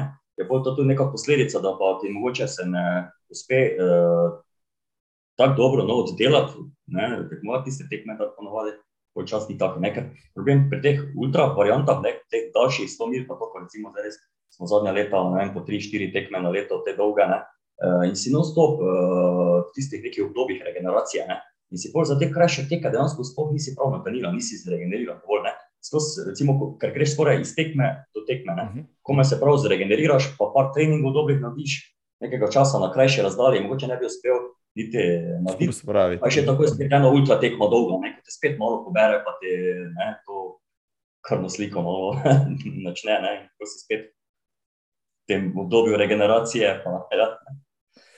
um, ajde, če smo že pri krvni sliki. No, to, ne vem, če sem že koga vprašal, pa ja. vendar le verjamem, da si kdo preveri, Kristi, si videl, da naredite krvno sliko, ker to pa je nek, nek pokazatelj, recimo, kaj se dogaja s telesom, pa kaj ti ja. naredi. Ja? Ja, jaz imam že, mislim, 15 let težave z, z železom ja, in se s tem non-stop ukvarjam. Ja. Um, da pač jem tablete. Nekajkrat sem že bila na intravenozne, te iroprene, ker imam vedno pomanjkanje ja, in že to je problem. Ne? Recimo neki intervali od 10 ja. do 29, tega pa imaš časi 3 do 5, tako ne normalno nizko. Ne? Pa te feritine, feritin, ja, fest, fest, ja. fest pod uh, spodnjo mejo, ne? fest. Ne? Da, pa te to, ja. Pa te to verjetno ne uvira, recimo, da bi bila konstantno utrujena ali pa da ne bi imela moči tudi za trening ali pa da bi bila apatična. To sem le, leto 2014, takrat sem tekla balaton, ne, sem predtem sem pretekla istro 100 mil in to po mesecu dni sem šla na ta balaton. Še Fuško-Gorskega. Uh, ja, pa še pol nekaj maratonov tisto leto in sem bila čist uh, konec. Ja, in se mi zdi, da me od tistega leta tudi se vleče to, kam imam neke težave z nogo in ne morem več k sebi briti, se mi zdi od tistega leta. Tako da tudi ne vem tako um, intenzivno trenirati, kot bi rada, ne, ker me non stop neke muče. Že ko pomislim, da moram iti na trening, se že študiram, jo in zdaj pa me bo spet bolelo. Joj, mislim. Ja, je fajn, če se to malo porihtaš, ja, pa malo se bremzaš, ne, ker mene, mene res malo preveč potegnilo. Sem kar preveč tisto leto naenkrat vsega skozi dol. Ja. Če bi vprašala kakšnega športnega strokovnjaka ali pa doktorja, ne, zdravnika, um, ne brž, kaj bi ti rekel, kako to poštimati, bi ti predlagal pol leta pauze, pa se totalne regeneracije, kar seveda, kot jo zdaj poznamo, ja, ni mogoče, ampak ali, ali kaj ja. drugega. No? Kaj, kaj bi, ali pa kaj smo že predlagali? Ja. Ja. Ne vem, te, to, pač te zdravniki, ki jaz hodim k njim, ne vem, kot da ne razumejo. Kaj, ne vem, rečejo, ti pač, pač ne boste mogli tega delati, da ste pač kaj drugega. So, kaj če te to vleče? Pa je težko, ne? to njim je lahko reči, pa nam to naredi. Ja. Ker si potem, jaz se pravim, da sem bila po tistem 2015, uh, sem stela iti na športo, pa nisem bila tej žrebana. Ne? In sem bila tisto leto prav depresivna. Ne? Niti nisem mogla trenirati, tako me je to, ne vem, se potrlo. No? Pol, ne vem, sem zdaj začela malo nazaj se nekako spravljati. um, No, zdaj, zdaj evo, upam, da se tole, da se mislim, vrhunsko deluje, že rekel, tisto, kar, kar sam spremljam na tekmah. No. Kaj bi še le bilo, če bi bilo popolnem, zdra, pri polnem zdravju, psiho, psihofizični kondiciji, bi lomila konkurentke. Uh, kot eh, šivice, no, noro. No. Nisem vedel, da imaš te težave. No. Zanimivo. No. Um, zdaj sem še tiste težave, ki jih imam jaz, manjše letos, pa si mi res neč ne da, vse sem letargičen, pa se vse čas izgovarjam na korono, ki sem jo prebolel. Ne samo zato, da lahko jem, pa, pa nič ne teče. Ne. Te moje težave so zdaj ratele čisto minorne in zdaj sem se sam zafrknil, ker sem tebe vprašal, kakšna je tvoja krvna slika. Evo, zdaj bojo vsi rekli meni, roblek, prosim, utihni, pa pej teč. Ne. Ampak, sam sem si kriv, super motivacija, vseeno, podale pogovor, pa mi marjeta, joja, ne, gledam tvojo statistiko. Um, stotke, neomejeno njih, potem takoj balaton z vrstnim časom, 27 ur. Um, kako se pripravljaš na balaton, zdaj povej? Evo, vem, kako se pripravljaš na maraton, pa na stotko, ajde pa tudi za trail, stotko bi še uh, za popad, ampak kako si se pripravljaš za balaton, kam moraš pa to početi? Početi kaj več ali ne vem kaj, v bundi, laufa, cel poletje. Jaz sem hodila na te tekme, hodila sem na kratke in bolj na maratone. To je bil to je pač to. Moj, moj trening. Ja. Pa tudi doma, se pravi, um, bila sem v enem klubu, tudi ta, uh, na Ptuju. In sem dvakrat na teden hodila tja, trenirati, um, pa še pol doma, dva, trikrat, pa nikoli več od 20 km. To je fascinantno, jaz se vam ni zdela. Zdaj, čez vikend, pa več. Da pač pa pol, kakšen maraton, pa to zmes, ja, pa kakšne te Zagreb časno, pa to je. Ampak to še zmeraj 50-60 km. Koliko kilometrov po recimo eni sezoni si pa zbrala skupaj? No? Za, za tiste, ki tam zunaj poslušajo, pa pravijo, da jih je treba narediti najmanj 8000, če ne kar 10. Veš, kaj, to, pa, to pa ti sploh ne vem povedati, ker jaz uro, uro imam zdaj, zadnje, čas, zadnje leta. Jaz sem na balatonu laufala z eno otroško urico, sem imela, ko mi je srečko kupil, par dni predtem, da sem videla vse, koliko je ura. Nikoli si nisem prej to, ne vem, nisem bila obremenjena s tem časom. Sicer mi je zdaj fajn, da vem pač, kako tečem, kakšen tempo imam, pa to, pa če si kaj zgučujem. Ampak se pravi, prej pa nis, nisem nikoli imela ure. Te v vas bila bolj taka upornika, glede tega, Spomnim se informacijske takrat- tehnike. Spomnim se takrat, ko sem na Sladki šest takrat zmagala, ko smo z Borisom Ivanovičem, bila, mislim, da tudi on bil brez Ja, ure, da še takrat. Je bil članek, da sta edini Ja, ja, da pa brez ure. Tako smo vedno vsi na štartu, joj, zdaj bom nedelo to, zdaj pa joj, kaj naj naredim, ne? No, jaz se s tem nisem nikoli obremenjevala. No, zdaj, zdaj jo uporabljam, no, samo nisem to tako. Ja, dan danes je že skoraj mus, ne, da si niti Ja, naložiš. pa še, pa še zdaj imam takšno uro, ki mi traja, ki me drži samo nekje 13-14 ur, tako da če grem na kakšno daljšo, ta uh, ultra trail mi niti ne drži. Ne, ne pride več zelo. Ja, ja, razumem. Ja. Zanimivo. No, kakšen svež, pa zanimiv pogled tudi na, na ure. pa Na te, jaz, imam tudi, jaz posedujem tole uro, zdaj dve leti, prej sem, prej sem laufal brez, pa so rekli, da sem čuden, ker sem doma pogledal, uh, koliko je ura, ki sem šel, pa je na pol. Zato, da sem se že. Isto. Ja, ja tako, a ne sem približal, kako sem šel, pa sem se ženi lahko zlagal, da sem a ne, uh, bil dalj časa na teku kot v gostilni. Recimo, ja, ampak zdaj, evo, zdaj imam pa uro. Pa očitno mi žena naštimala gor eno aplikacijo, da točno ve, koliko časa laufam, koliko časa sem v gostilni, ker zmer prav, da hecam se, seveda se hecam. Ja, se bo tole poslušala, pa bi mi bo to naštimala gor, ker sem mi dal spet eno idejo. Um, je balaton, um, srečko ti si jo spremljal, verjetno na balatonu, Ja, si bil ja, edini v ja. spremstvu, a si imel še koga, ali kako je to izgledalo? Sam je. Jaz sem bil takrat sam, ja. na ultramaratonu sem bil sam. Ja. Tako da sem kar bil na celi trasi, sem recimo avto predstavljal, pa sem malo lahko naprej, pa nazaj, pa gor sem pa tja, pa z avtom prvo prid na vsako točko. Je bilo kar, ja, se mi zdi, da je kar utrojoče, ne, že sam se po Vsaj dva bi 200. mogla biti, ker Ja. tam proti koncu je že na eni točki, ko bi mi mogel nekaj dati, je on spal, pa smo potrkala.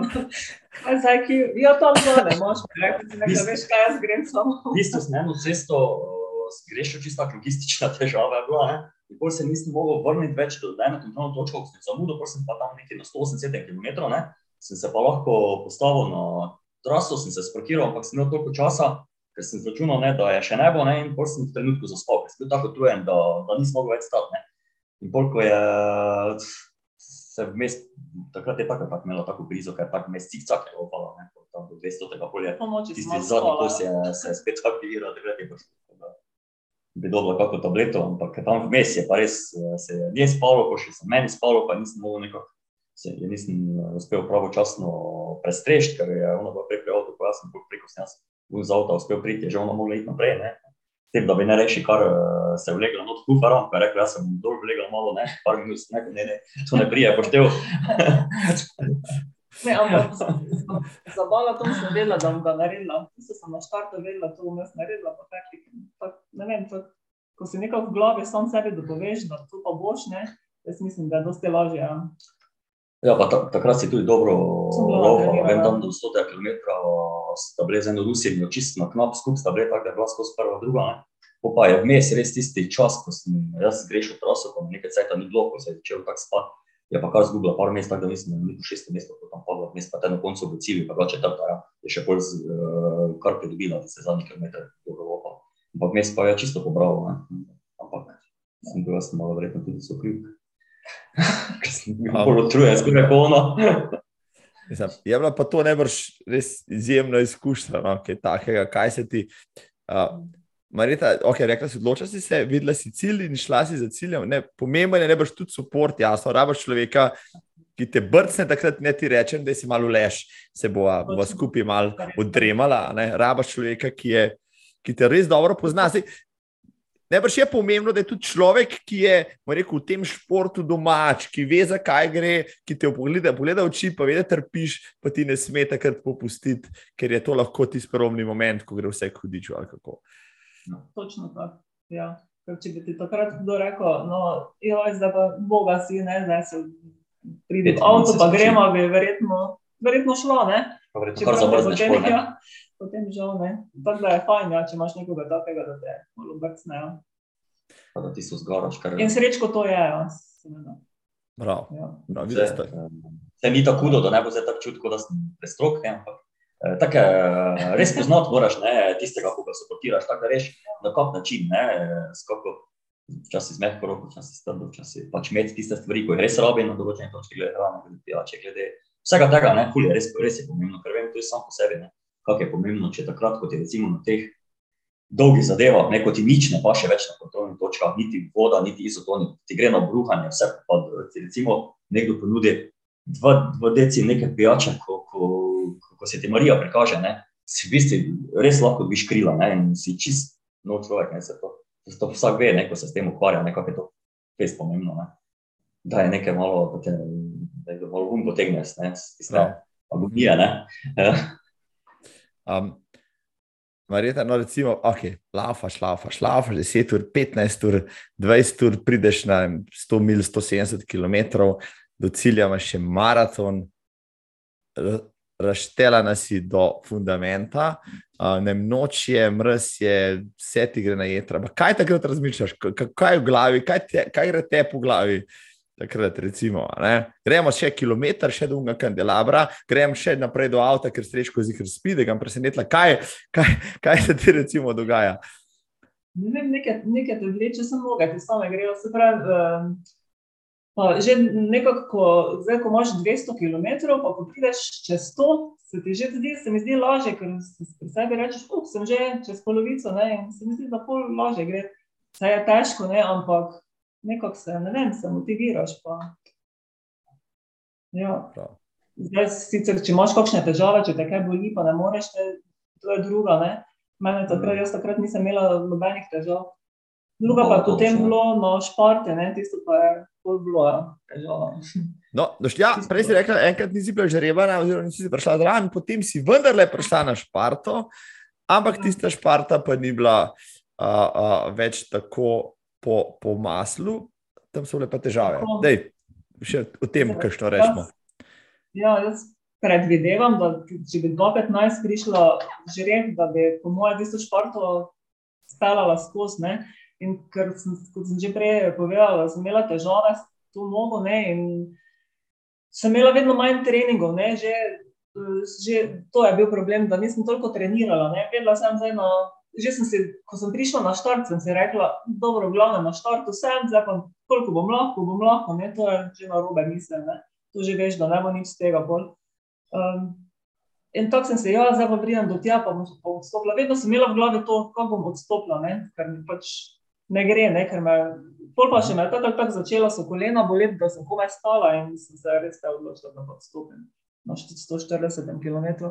Takrat pa se mi je res delo, da sploh ne morem več dalje. Čeprav drugi dan, ko sem stala, me sploh več nič ni bolelo. Ne. Tako da. In takrat, in tak, Ja. Ja. In to sem rekla, da še, da še bi to v življenju rada naredila in potem ne rabim več nobenih ultratekov. ne vem, to se še želim, ampak ne vem, če, če mi bo to še uspelo um, najbrž, kar se norme tiče, ne bi bil problem, glede na to, da še vedno hitro in daleč tečeš. Uh, kaj misliš, da, da, da bi bil problem, recimo, če bi se zdaj odločila ne, v naslednjih dveh letih se prebiti na šparto? Hm. Ne vem, jaz pa ravno to normo, mislim. Aha. ne vem. Mislim, se zdaj ne vem, kako je zdaj s, to, s, to, s tem državnim prvenstvom, ko je bilo v hrani. Ne, če bi normo dosegla, da pa da je prišla noč, 23 km naprej. po moje bi se nekako probala, ja, da bi. Ne vem. Um, jaz mislim, da, Mislim, se, da se bomo- Ja. da bi se s tem časom sedaj že moral dati konkurirati za pač eno od tistih 40 mest tam, na, tam za tudi, ja. Tako, ja. Tako, tako. Uh, Srečko si bil tudi uh, na Špartatlonu, edini spremljevalec, ali si Ja. že imel koga? Ja. Jaz sem bil takrat, je bil sin z mano Uh -huh. in uh, ja, uh, mi dva smo nekako uh, se zadeve od začetka do konca, ker smo pač uh, imeli normalno spremljevalni avto, ne, se za, špa, za špartatlon. Veš pač, uh, kje lahko supporti- supportiraš, ker so posebna pravila, ne. Ne sme se tekmovalec kar tako nekje nasloniti na avto, pa to, kar lahko distancirajo, glavnem tisti določeni točka.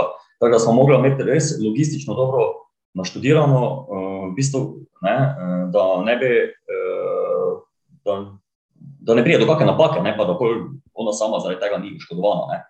Uh, ker se pa diskvalifikacije, dogajajo, ne noč pa tako, kar včasih zaradi takih banalnih zadev. Ne. Ja, in sva spremljala, probala pač uh, jo non-stop motivirati, čeprav sva videla, ja, da takrat je bila pač drugačna, kot ponovadi na dolgih tekmah. ne. Ni bila, imela- dobro, prej je mogoče orisala tako malo, na, da je ležerno ne, zadevo vzela. Verjetno, no, ne vem, ona najbolj ve. Ne. Jaz sem pač čutil, da ni, mislim, da je imela cilj, ne, ampak da je pa dejansko imela en zelo velik dv- dvom v to, da, da bo gratalo vse skupaj. Bolje še bila tista vročina, ne iz Aten, dol čez Korinth je bila taka vročina, da je nama bilo tako vroče, da nismo vedeli. Ne. Jaz vem, da sem študiral, če bi mogel zdaj laufati, ne, po tej vročini bi, bi me verjetno cvrlo, ne, to prav študiraš, ker si pač kot, kot tekmovalec pa pol drugače, da veš, ko si ti v tistem šmornu, ne. Ampak ja, pol je nekako uh, se je bila malo širša ekipa, ne, Mirka je bil takrat tudi, Nataša Robnikova je bila pa nekako uh, uh, sva non-stop nekako spremljala, nam je bilo zanimivo, čeprav je to se dogaja, pa je mes, imaš občutek, da Ja, da, da to ni tako enostavno. Takrat mi je bilo kar težko, ker nisem, nisem, neš, nisem, nisem našel več načina, ne, na čim motivirati, pa na kak način. Čeprav je vse na začetku je vrejo šlo, ne. ampak uh, pa po tistem 120. je še nekako uh, je še šlo, tam so bile tiste neke masaže na hitro, tam je takrat tudi Nataša uh, stopila. Ne, uh, ne vem, uh, jaz, sem uh, imel občutek, da ne vem. Uh, ne vem, kako se naj izrazim. Glavnem, eh, takrat na tistem 142 km je bilo, se mi je zdelo, da je še imela malo tistega manevrskega časa, da bi se pod hrib spustil. Jaz sem občutek, da če bi jo uspelo eh, motivirati, da bi šel hrib, ker je bil bolj tisti časovni eh, Limit, ja, malo daljši. malo daljša, da bi se mogoče lahko prebijala, ampak enostavno ni bilo načina. da bi jo- Je rekla, da jo v življenju niso kolena bolela takrat, takrat pa ni mogla več eh, prav stopiti. ne. Čeprav je tekla, ampak ne se, verjetno se matraš konca, ampak se je odločila enostavno, da ne gre, da ne gre, da ne gre. In je se odločila, da pač, da, da bo tam zaključila, ne, se smo pa provala na vse načine, ne, pa, pa ni šlo, ampak ok, pol je odstopila, pol smo se čisto fajn imeli še dva dni ne, v Atenah, pa smo pol po poti domov, smo šli na malo po teh plažah, Vitoporo, ne, pa čudovite plaže so to, pa pol smo si še rekli, nič pa še gremo, če smo enkrat, eh, še imamo dopust, pa smo tako blizu na Mont Olympus, ne, smo šli na to najvišjo grško goro, pa smo se čisto fajn imeli in pol je to nekako eh, zvedenelo, pol tista ne je volja, nekaj normalno, ne, če, če meni ni bilo prijetno, ker vem, da se postaviš njeno kožo, ne, ker ko nekaj ne gre, pa je res, ne, ni uspelo, je vseeno neka ne je volja, ne, ne glede na to, ne, ali si že to prej pričakoval, nisi, ne, sigurno se je videlo, da je bila malo razočarana, razočarana, nevoljna, ampak priložnost še sigurno lahko pride, ne, če je volja, pa če, pa če bo zdravje. Ne, tako da smo tisto kratko, pa še malo dopustniško, pa je bilo pa v redu, ja, se pozabil. Ja. Pozabil sem. Ja, no, ok. No. Že, se- že ostane tam. Ja. Če bi, če bi, če bi jaz ja, če bi jaz imel srečko ta v spremstvu, bi tudi razmišljal, da bom šel še kdaj. ne. Tako, ja, ne. Mislim, s takim motivatorjem. Srečko, na kateri tekaški dosežek svoj si v ti najbolj ponosen, mi prosim, povej. Eh, Glede na to, da te stvari nekako eh, podoživljam, podoživljam eh, turistično, mi je recimo meni osebno mi je, ima največjo težo ta SPP direkt, ne, slovenska planinska transverzala v enem kosu, ko sem bil v samo skrbi. Uh, lahko, čeprav sem imel cilj malo hitreje vse oddelati, ampak mi je malo uh, mi je zmanjkalo na koncu časa za logistiko, ker mi je oče umrl 14 dni prej in pol se na ene stvari sploh nisem eh, uspel pripraviti.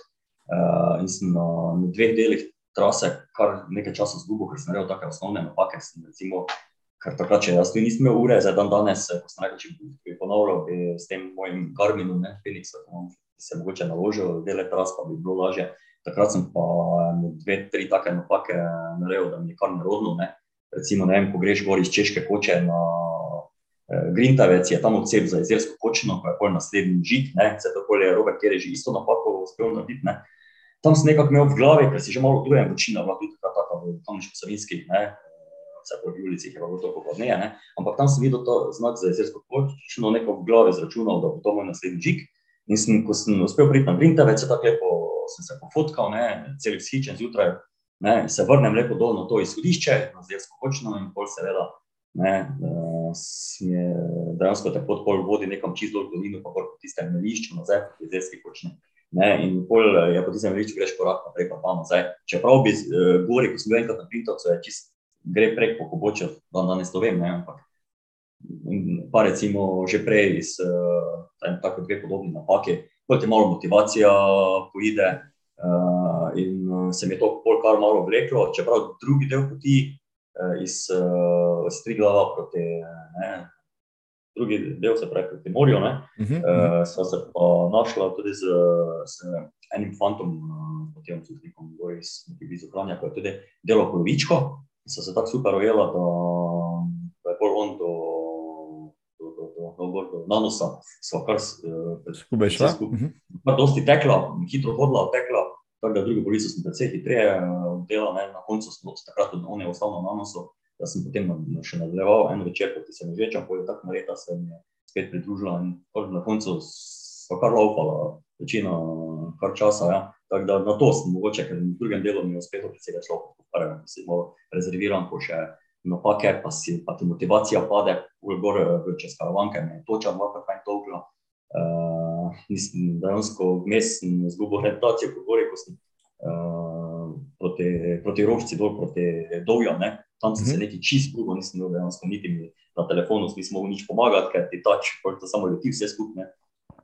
Zdaj, ja, na to, kar je, bi pa rad enkrat eh, mogoče eh, ponovo brez teh napak, pa da bi, če bi mi uspelo, mogoče malo eh, bolj oddelati pošteno. Ne? Ja, recimo, ne, Marjan Zupančič, ko je še postavil rekord, je vse, s celo progo po delih prej pretekel, a ne, pa zmemoriral, pa ne Ja. kaj, ne, to, ampak Ja, ja, ja, ja, to so ja. ljudje, ki tečejo na rekorde s spremstvom. Ti, po drugi Ja. ja. strani, a ne, to je zelo pomembno poudariti, si bil samo skrbi. No, zdaj moram poudariti, kaj ja. Ja. je razlika. Naredil si vseh 600 km v 12 dneh, kar je še zmeraj izjemen rezultat, ampak v samo skrbi. No, zdaj mi pa povej, in za Ja. tiste, ki tam zunaj poslušajo, pa si rečejo, ja. kaj pa to samo oskrba, nareš vse pa poj v enem kosu, pa prosim razloži. Ja. Ja, to pomeni v bistvu, da sem se oskrboval izključno uh, v planinskih eh, kočah, v planinskih domovih, se pravi, čist na trasi, ne, uh, s tistim, pač, kar je tam možno vzeti. Tako da se pravi, da priješ tja kot uh, normalen planinec, si stvari eh, naročiš, počakaš na tisto, dobiš, poješ, greš naprej, dobro spet ne.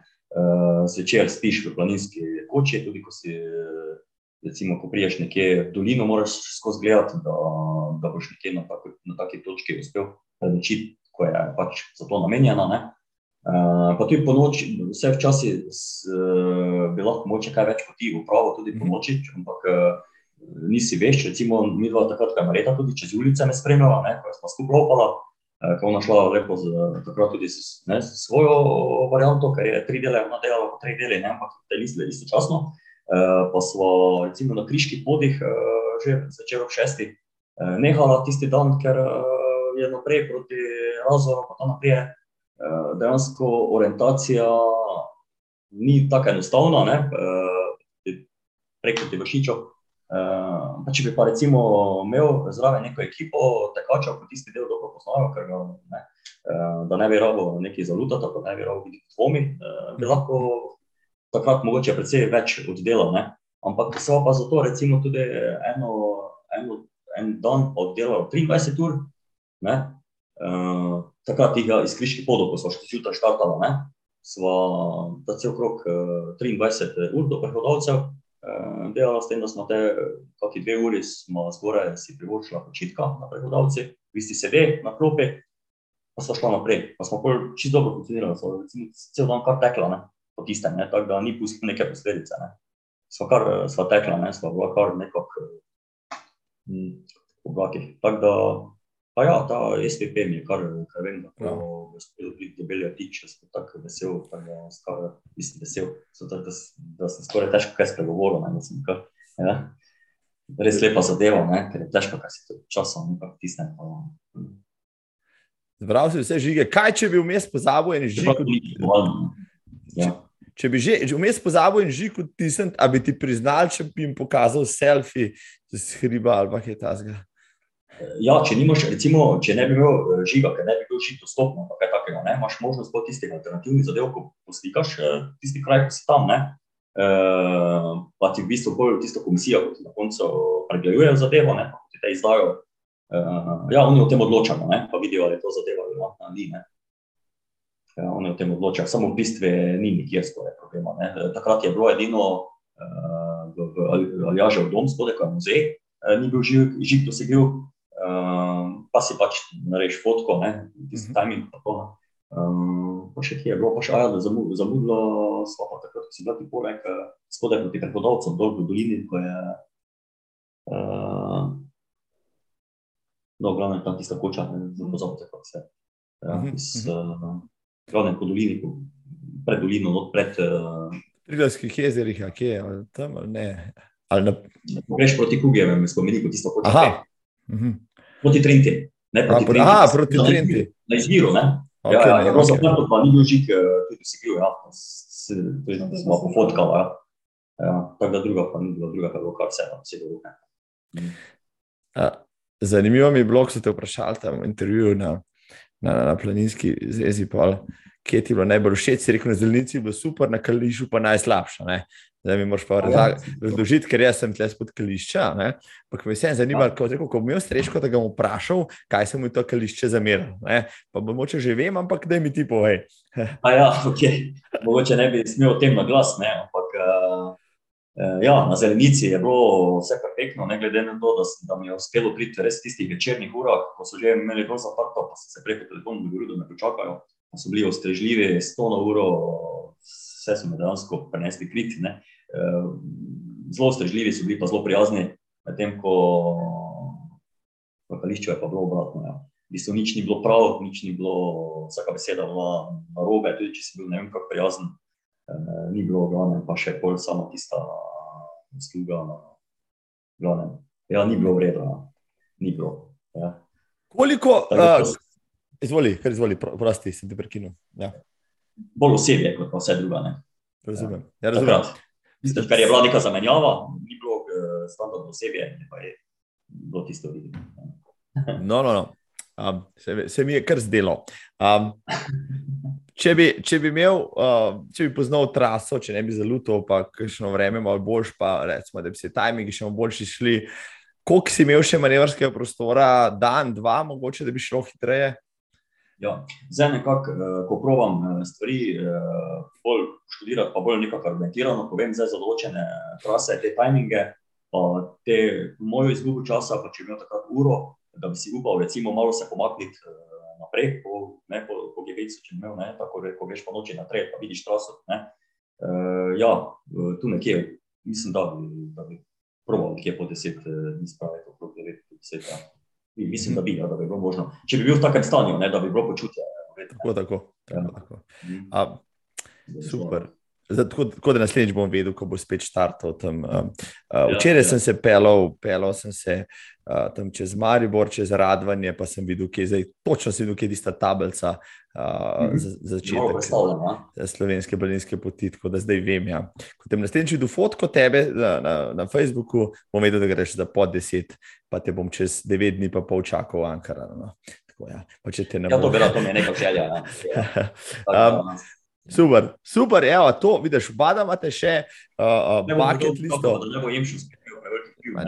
Skozi govoriš o Jemšu, pa si komaj palec rešil, dve ene srečko, pa bistveno bolj, pa rekel, na hajpo in vitalen za gred. Povejte mi, to me res zanima. Eh? Uh, to, kar ste v dali že skozi ultratrelov, 100 milk, večdnevnih etapnih dirk, prej smo omenjali vse hribe, pa kolesarske zadeve skozi vse čas in ne nehamo s to pogonom. Eh?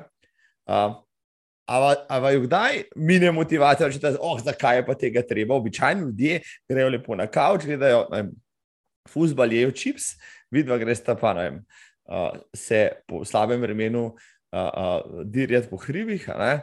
Kje črpata vso to neizmerno motivacijo, željo, zagon, res ta žar, ki prav, rekel, seva odvaja to dobro voljo. No? To povejte, mi prosim. No? Tudi zato, da se ostali bomo znali zmotivirati, ko bo mogoče malo bed.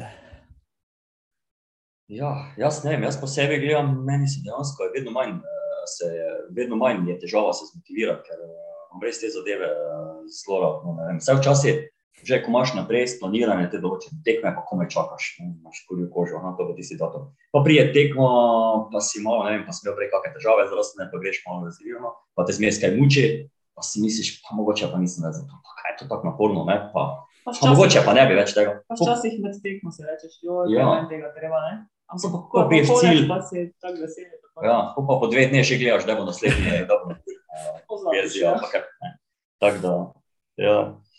Um, Videla sta, jaz sem tam gledal, dala praktično po Evropi skozi tudi teh 100 milk, pa Ultra Trail, Lavaredo, pa Istra, pa, pa uh, Mont Blanc, še v tistih časih, ko še moče ni bilo 12 milijonov prijav za tistih par tisoč mest, hočem reči. Um, ampak največkrat sta pa šla na Fruško goro. Kaj, na, kaj vrage na Fruški gori, da, da hodite tja skoraj da vsako leto, mi povejte. Ljudje, ja. ljudje, mislim, počutje. Uh mhm. -huh. no, preprosti ljudje, dobro smo tam sprejeti. Ne vem, Ja, takrat, ko smo bili prvič, 2008, smo bili prvič, ko še ni bilo ne, te istre, ne, pa ne, ker, uh, takrat še ni eh, nekako imel statusa tega tekmovalnega ultratrela, da bi imel UTMB točke, pa to ne za ultratrel Mont Blanc, ne, zdaj ima to ne. E, takrat uh, je bilo to bolj, v bistvu, je pa bil ultratrel, ne, nekako za dve tekmovalne trase so še imeli takrat, ne. Se zdaj to vedno vlečejo, ne, dve imajo te ekstremni prek 100 km, zdaj imajo recimo 130, ne, uh, pa to 100, 111, ja. Uh, drugače, prej so pomenili 125, recimo, pa 107, nekaj takega. Ne. Glavnem, takrat, uh, ko so bila prvič, prvič sem bil sicer jaz na stotki, ne. ti si pa bila z Madejem, v bistvu ja, bolj spošla. Starejši si, pa smo šla na 57. Ja, ja, ampak jaz sem takrat. Je tudi bil star 12 let, takrat. Ja. Samo 57 km. Oh, ja. Oh, ja. Ja. Jaz sem takrat sicer res dehidriral do konca, uh, sicer navezal s uh, kar nisem spoznal, kolege, prijatelje, celo organizatorja, takrat, ko je bil tudi na trasi, uh, sem pa zdehidriral, ker niso imeli eh, niti vode, takrat, je to bilo bolj tako, bolj skoraj samo skrba, kot pa neki organiziran, organiziran zdaj, da bi res kontrolne točke te ne, eh, založene. Ne. Pa se je to hitro izboljšalo, ne tista prva varianta. Koliko smo šli drugič, ko smo šli oba skupaj na to, da slednjo stotko. Uh, smo, seveda, smo se pripravljali, vedeli smo že točno, kje bo mogoče voda, da so se mogoče tudi na rovi vedeli pravi cajt, ker, ker je pa lahko tam res problem. Zdaj ne več, takrat je bilo, ja, tista veta še pred ne, 20. Uh, in uh, potem smo se kar tako, ne vem, smo pa rekla nič, pa še bomo šla naslednjo leto, koliko smo bila že trikrat, štirikrat, uh, so kar na kontrolnih točkah, uh, me, da se netlo. Uh, tam so začeli upiti na eno kontrolno točko. E, Slovenci nam dolaze, pa to ste, to ste srečko in marjeta. To me je nekako tako šokiralo, ne ravno. Ja, tako se je začelo, ne, pol smo se, kot da smo, ne vem, smo se res zatreskali ta trej, bolje to že gratalo, lepo organizirano, tako da Pa res nisi robo, ja. da si robo, imaš res ta tekaški navrh, tako ko gre za eno isto, pa v redu, pa bil kam, ne. In je res fajn organiziran, zdaj, sploh uh, imajo tim taki, da vsakemu celo predlagam, da se, da se kvoti, ker je res, res fajn, ta tista, tisti, tista balkanska mentaliteta, tisti pristop njihov, pa uh, res je fajn, no, komunikacija je prava, greš nekam v Italijo ali pa v Francijo, na kontrolnih točkah se niti, niti ti ne veš izraziti, kako želijo, niti oni te ne šmirgljajo. Ne? To pa kar naenkrat, aha, Slovena, svoj Slovenija odakle.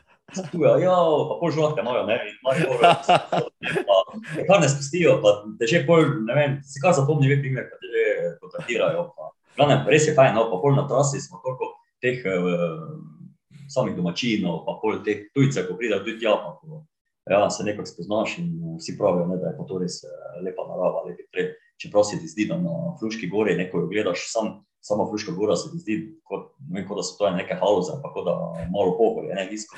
Ampak je v bistvu na Fruški gori so znašli take hribe, da, da, da je to težko povedati. Take spone, pa spuste, res, no, mislim, da v tistem mazivu noč se najde vsega in svašta. Ne. Sploh, ko imajo za eno točko vrata raja, ko si na, tam na 120 km totalni črpa, imaš občutek, da, si, da greš, ne vem, da si na neki alpinistični odpravi, ko je korito med tistimi skalami, ko, ko so celo zajele, pa klini, pa se ti zdi dobro, to zdaj ne bi rabo biti na 120. Lahko bilo na 30 ali pa 40, nekaj so že noge izmučene. Ko pa priješ dol tisto korito, ko pa taki strmi breg, gor, pa si misliš, pa kje na Fruški gori najdejo taki breg. Ko od zunaj gledaš, ne iz Beograda, z Rume, z Novega Sada, ni nikjer, je, da bi lahko bil kje taki breg. Ko pa se tisti breg vleče nenormalno, pa ne greš korak naprej, pa dva nazaj, bog ne daj, da ideš. Ne, pa. ja, in je, je pa fantastično, ne, glavno, ja, taka lepa trasa in je. Če, če Ja, zdaj le zdaj ste. se vidimo, že kar enajstkrat bila tam in smo še kot tam skoraj.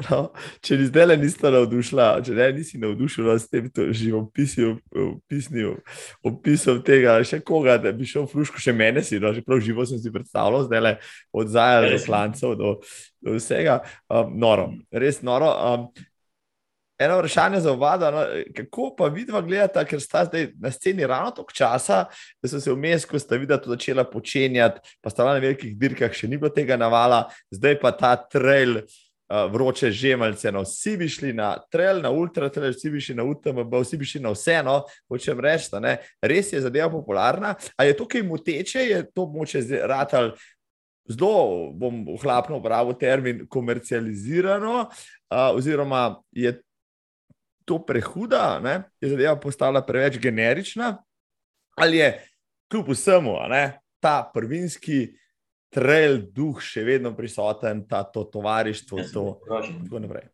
Ne, ve, ne veš več, kam, kam bi šel, ne? toliko je tega. Polarizacija, Tako, ja, ja. Martine so posledično dražje. Mislim, kar vsaka, mislim, kar teh, teh kup nekih kvalifikacijskih tekem je za ono tekmo, pa se to nekako uh, vsem nadgrajuje. Ne? Ampak uh, ne, ne, ne moti meni. je to Všeč, da je to brato taki popularen šport, ker te, jaz imam čutek, da to je en najbolj prvinskih naravnih športov, ne, sožiti z naravo. Uh, ne rabiš skoraj skor nobenega, ne vem, orodja, rekvizita, razen trejcev, pate, ne, pa Mhm. Vidva smo še zelo redka, recimo tu na ta 24 so me kar spraševali za letos, ne. Ker pa vidva nimata palc, mi smo zgleda edina, ko nismo palc imela na stotke, ne. Eh, Ker imajo vsi te eh, palce, ne, te tekaške palice, pa se mogoče res kakih fitness zdravniš, ampak jaz se nikoli nisem navadil na njih, pa se mi zdi, da bi bilo to vse skupaj teče, čeprav mi vsi dopovedujejo, da ni res, da je moteče samo 2-3 dni, ne, pa to neprimerno lažje, ne vse skupaj in na spustih eh, zadeve kontroliraš in na sponih. Ampak pravim, dobro, ok, še te palce, nič kaj dosti ne rabiš, ne, eh, pa si naravi, pa se pa nekaj, eh, se sam sebe testiraš, eh, se spoznaš z ljudmi, ko delajo iste stvari, ko so ponovadi fajn, pa niso neki, niso toliko obremenjeni, mogoče s potrošništvom. Jaz imam taki občutek, no, da so to podvajajo ljudje, ko so bolj skromni, ko so zadovoljni z naravo, z lepotami narave, pa to, kar nam ta narava ponuja. Ne.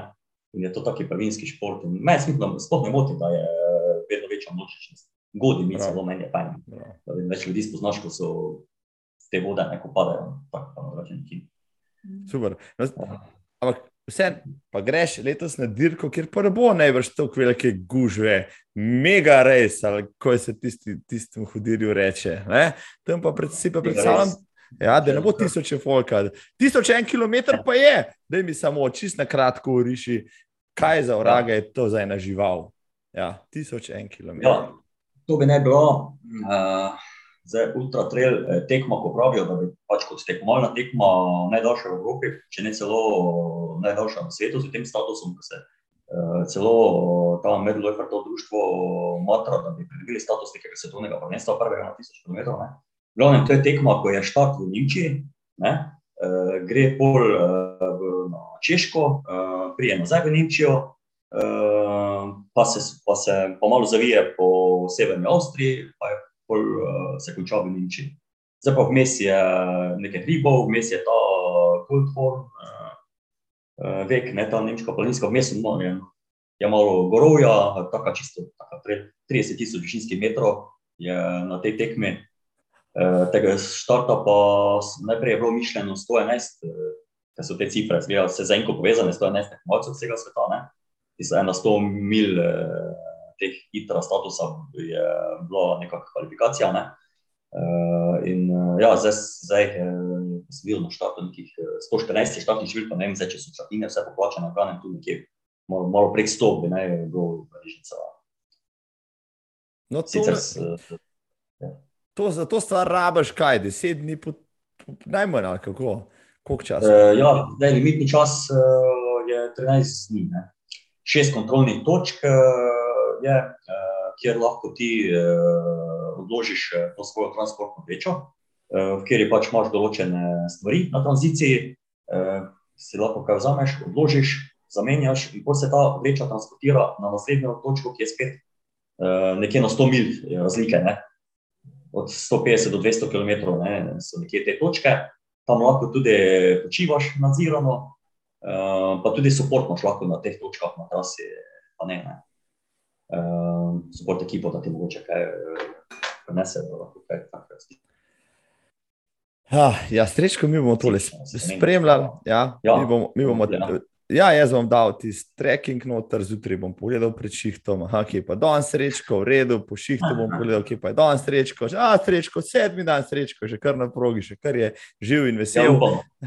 Seveda, seveda, navijali bomo za te srečko. Ja, Tako je, od zate, za enega od teh 111 tekmovalcev, spoštovani, spoštovani, vi ste pa uh, že po uri, pa pol na 111 epizodi podcasta, za gre za tek malo pred koncem.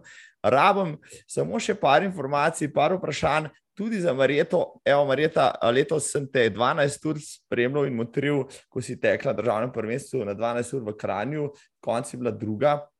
Razvrstiti državno prvenstvo izvrstno si šla, zdaj greš pa na 24-urno prvenstvo, evropsko, se pravi, to kroženje ti očitno paše, ne, leži. Kaj pričakuješ od tega tekmovanja, ki je pred tabo?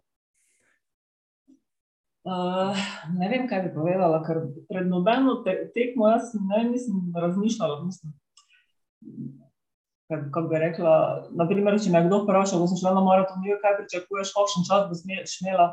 Ne vem povedati, ker ne vem, kako se bom počutila.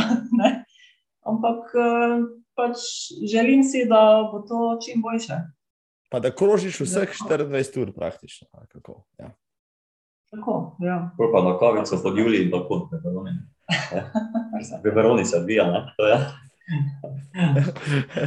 Mislim, to, bo, to bo super dirka. No, ja, upam, da ne bo, da ne bo izgled, ne, da bo pa vseeno ne nekako kruva oddelati.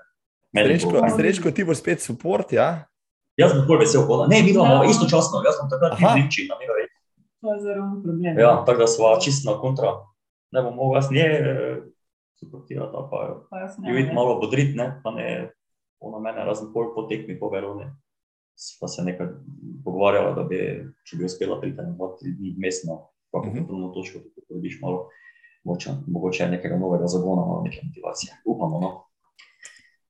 Ja, da se bo kaj. Nora jesen za koncev gumni šak. Ja, zdaj Zdaj, običajni zakonci uh, imajo septembra težave s tem, da grejo otroci spet v šolo, pa s tem, uh, da je treba uh, vse stroške od poletja skupaj potegniti, pa to poplačati.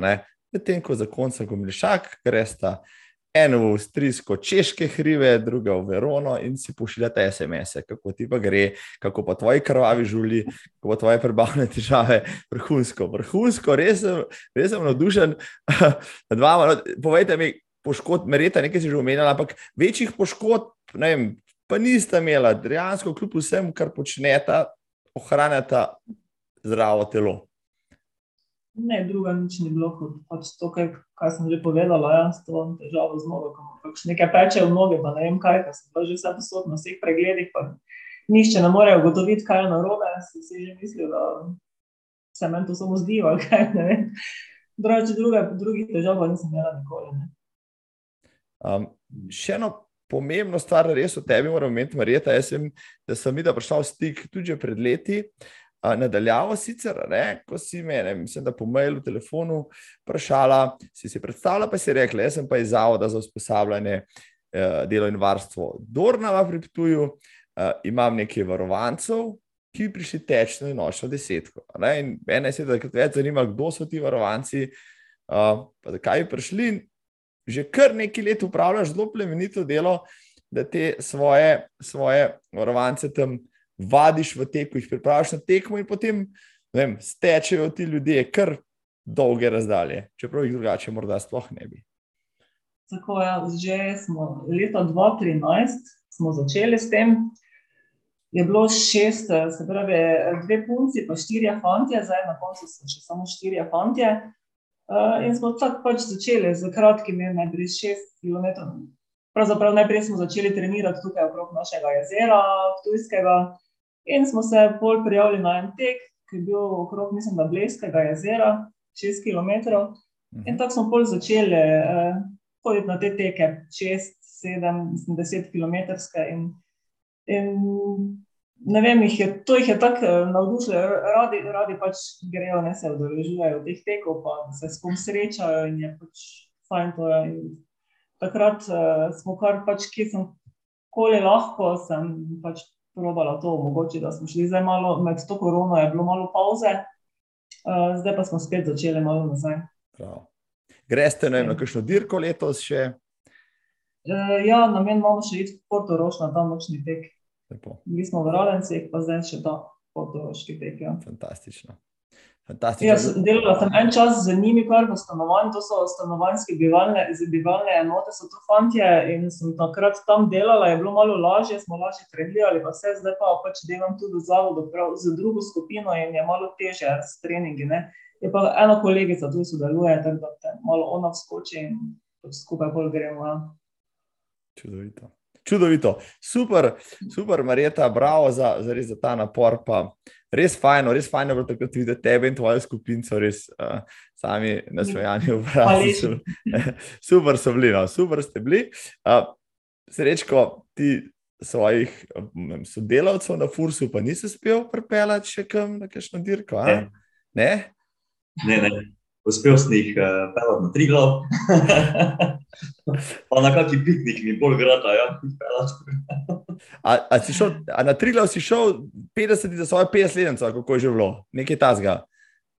A se je to poklopalo, se ni? Ja, pa na tri glav smo hodili še na vse možne načine, za Božič, eh, za Silvestrovo, za 50 rojstni dan, no, ja, za novo leto, nočne spone v polni luni, to je nekaj prekrasnega, ja, smo kar hodili s takimi.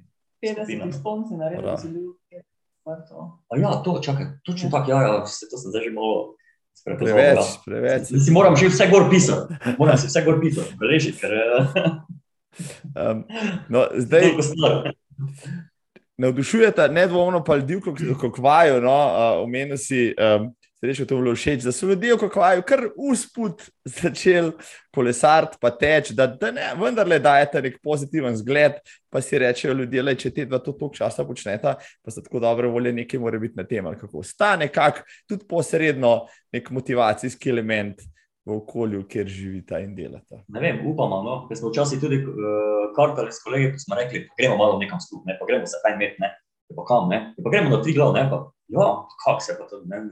Ja, pa se to ni, ni tako, bomo pač vse glede varnosti, pa to je dan danes skrbljeno, pa če si odgovoren, pa te ta pravila upoštevaš po pameti, samo pač, če pa ni poguma, pa ne gre, ne, to je prvo. Ne? In pa ne samo tri glav, recimo, ne vem, razne take stvari, ne, turistične smo kar, ja, pa tudi kolesarje, ne, ja, smo kar dosti takih for ust, kot se pogovorili, čisto tako, recimo, ne. Uh, pa kar hitro moraš si kakšen datum uh, dogovoriti, ne, ker drugače -huh. če, če se preveč razmišlja, ne, uh, se ponovadi pol odpove, ne, pa ne bi, ne, mi še nismo pripravljeni, pa to, mi pa to, ja, jaz pa še mogoče ne bi, pa bi drugo leto, ne, ne, ne, gremo, ja, gremo, fajn se bomo imeli, to je fajn. Prav, prav. Um, sem, pri, sem pripričan, evo, spoštovana publika, da ste se tudi vi navdušili za marsikaj, ne, kar ste zdaj slišali, tudi zato, ker sta um, srečko in res taka pozitivna človeka. No, jaz se osebno poznam, da se, se zmerno smejemo, ker se vidimo zmer, uh, uh, je kakšen dober hec. Kljub temu, da vem, je to na dirki, kjer Marijeta trpi, um, srečko ji pa meša napitke. Ne pa sta oba da dobre volje in, in znata dvigati razpoloženje. Tudi pri drugih, jaz verjamem, da tudi pri, pri vas, dragi gledalci, poslušalci, poslušalke in gledalke. Um, da pa še čist za konec, evo, tako filozofsko vprašanje, uh, zato da naredimo piko na tej čudoviti epizodi. Tisti, ki to poslušajo, pa še ne tečejo, pa bi se sprašvali, morda, zakaj teči. Evo, dajte jim vidva en kratek, pomenljiv odgovor. Zakaj teči Marjeta. Zakaj? Teče, Ti tečeš, recimo, in to bo tisto, kar bo tudi koga drugega navdušilo. Da se potem boljše počutim. Marsikaj lažje delaš, potem ko si. Tudi, tudi marsikaj razmišljaš med tekom, marsikaj ti pride ne, na pamet. Maš čas za razmišljanje, no? si sam, sam sabo in v marsičem lahko razmišljaš tudi v tistem času teka. Mm -hmm še potem se boljše počutiš. Tako je. Srečko, kaj pa ti praviš na to? Ker je to najlažji način, da dejansko ostaneš eh, vitalen, zdrav, pa da se res imaš fajn. Da lahko kakšen dopust preživiš, ne samo na ležalniku, ampak eh, vem, eh, poleg tega, da zvečer kartaš, da malo odlohaš na kakih rib, pa, se, pa je fajn, pa da greš, ne vem. Ne, pa konec koncev ne se ukvarjajo ljudje s tem, ne, ja, pa, ne, pa ne morem teči, pa sem proval, ne, pa ne gre se ni mus teči, če ne gre za vsako ceno 5 km. Pa lahko tečeš kilometer, pa malo hodiš vmes, sploh po planinah, imamo tako lepo pokrajino v Sloveniji. Pa spet malo tečeš, pa spet malo hodiš, pa ti je fajn, pa se pogovoriš s kolegom. In pol je logična posledica, da, da vedno več zmoreš, da ti je vedno lažje, vedno več tečeš. In pol celo ti prija na pamet, da se da, zakaj pa, sem, zakaj pa ne probal, kaj malo več. Ne? To je to. Ne? In dejansko si pa uh, si izboljšaš kvaliteto življenja. Če, spoh, če jih časi ljudje razmišljajo, ne, da, da si s tem, da nimaš časa za kaj druga, pa da si s tem uh, kratiš eh, čas za kaj bolj pametnega. Ampak v bistvu imaš kvaliteto življenja maksimalno s tem, kar se dopusti, dosti pestrejše. Pa še fajn se počuti zdrav si. Sem vedel, da bo to pravo vprašanje. Vrhunsko ste tole povedala. Evo, pika na i je bila postavljena, Marijeta in srečo Gumnišak, Um, jaz se vam neizmerno zahvaljujem za vajen čas, za vse modrosti in informacije in vse ostalo, kar ste povedali. Vajne zgodbe so čudovite. Um, upam, da se kmalo spet vidimo v živo. Hvala, Hvala za povabilo. In zdaj bom vedel za zmer, da Juršinci niso v halozah. Evo. Hvala še enkrat, lep večer, lep pozdrav v Juršince, lepo se majta in srečno na jesenskih podvigih. Hvala, adijo. Hvala, hvala.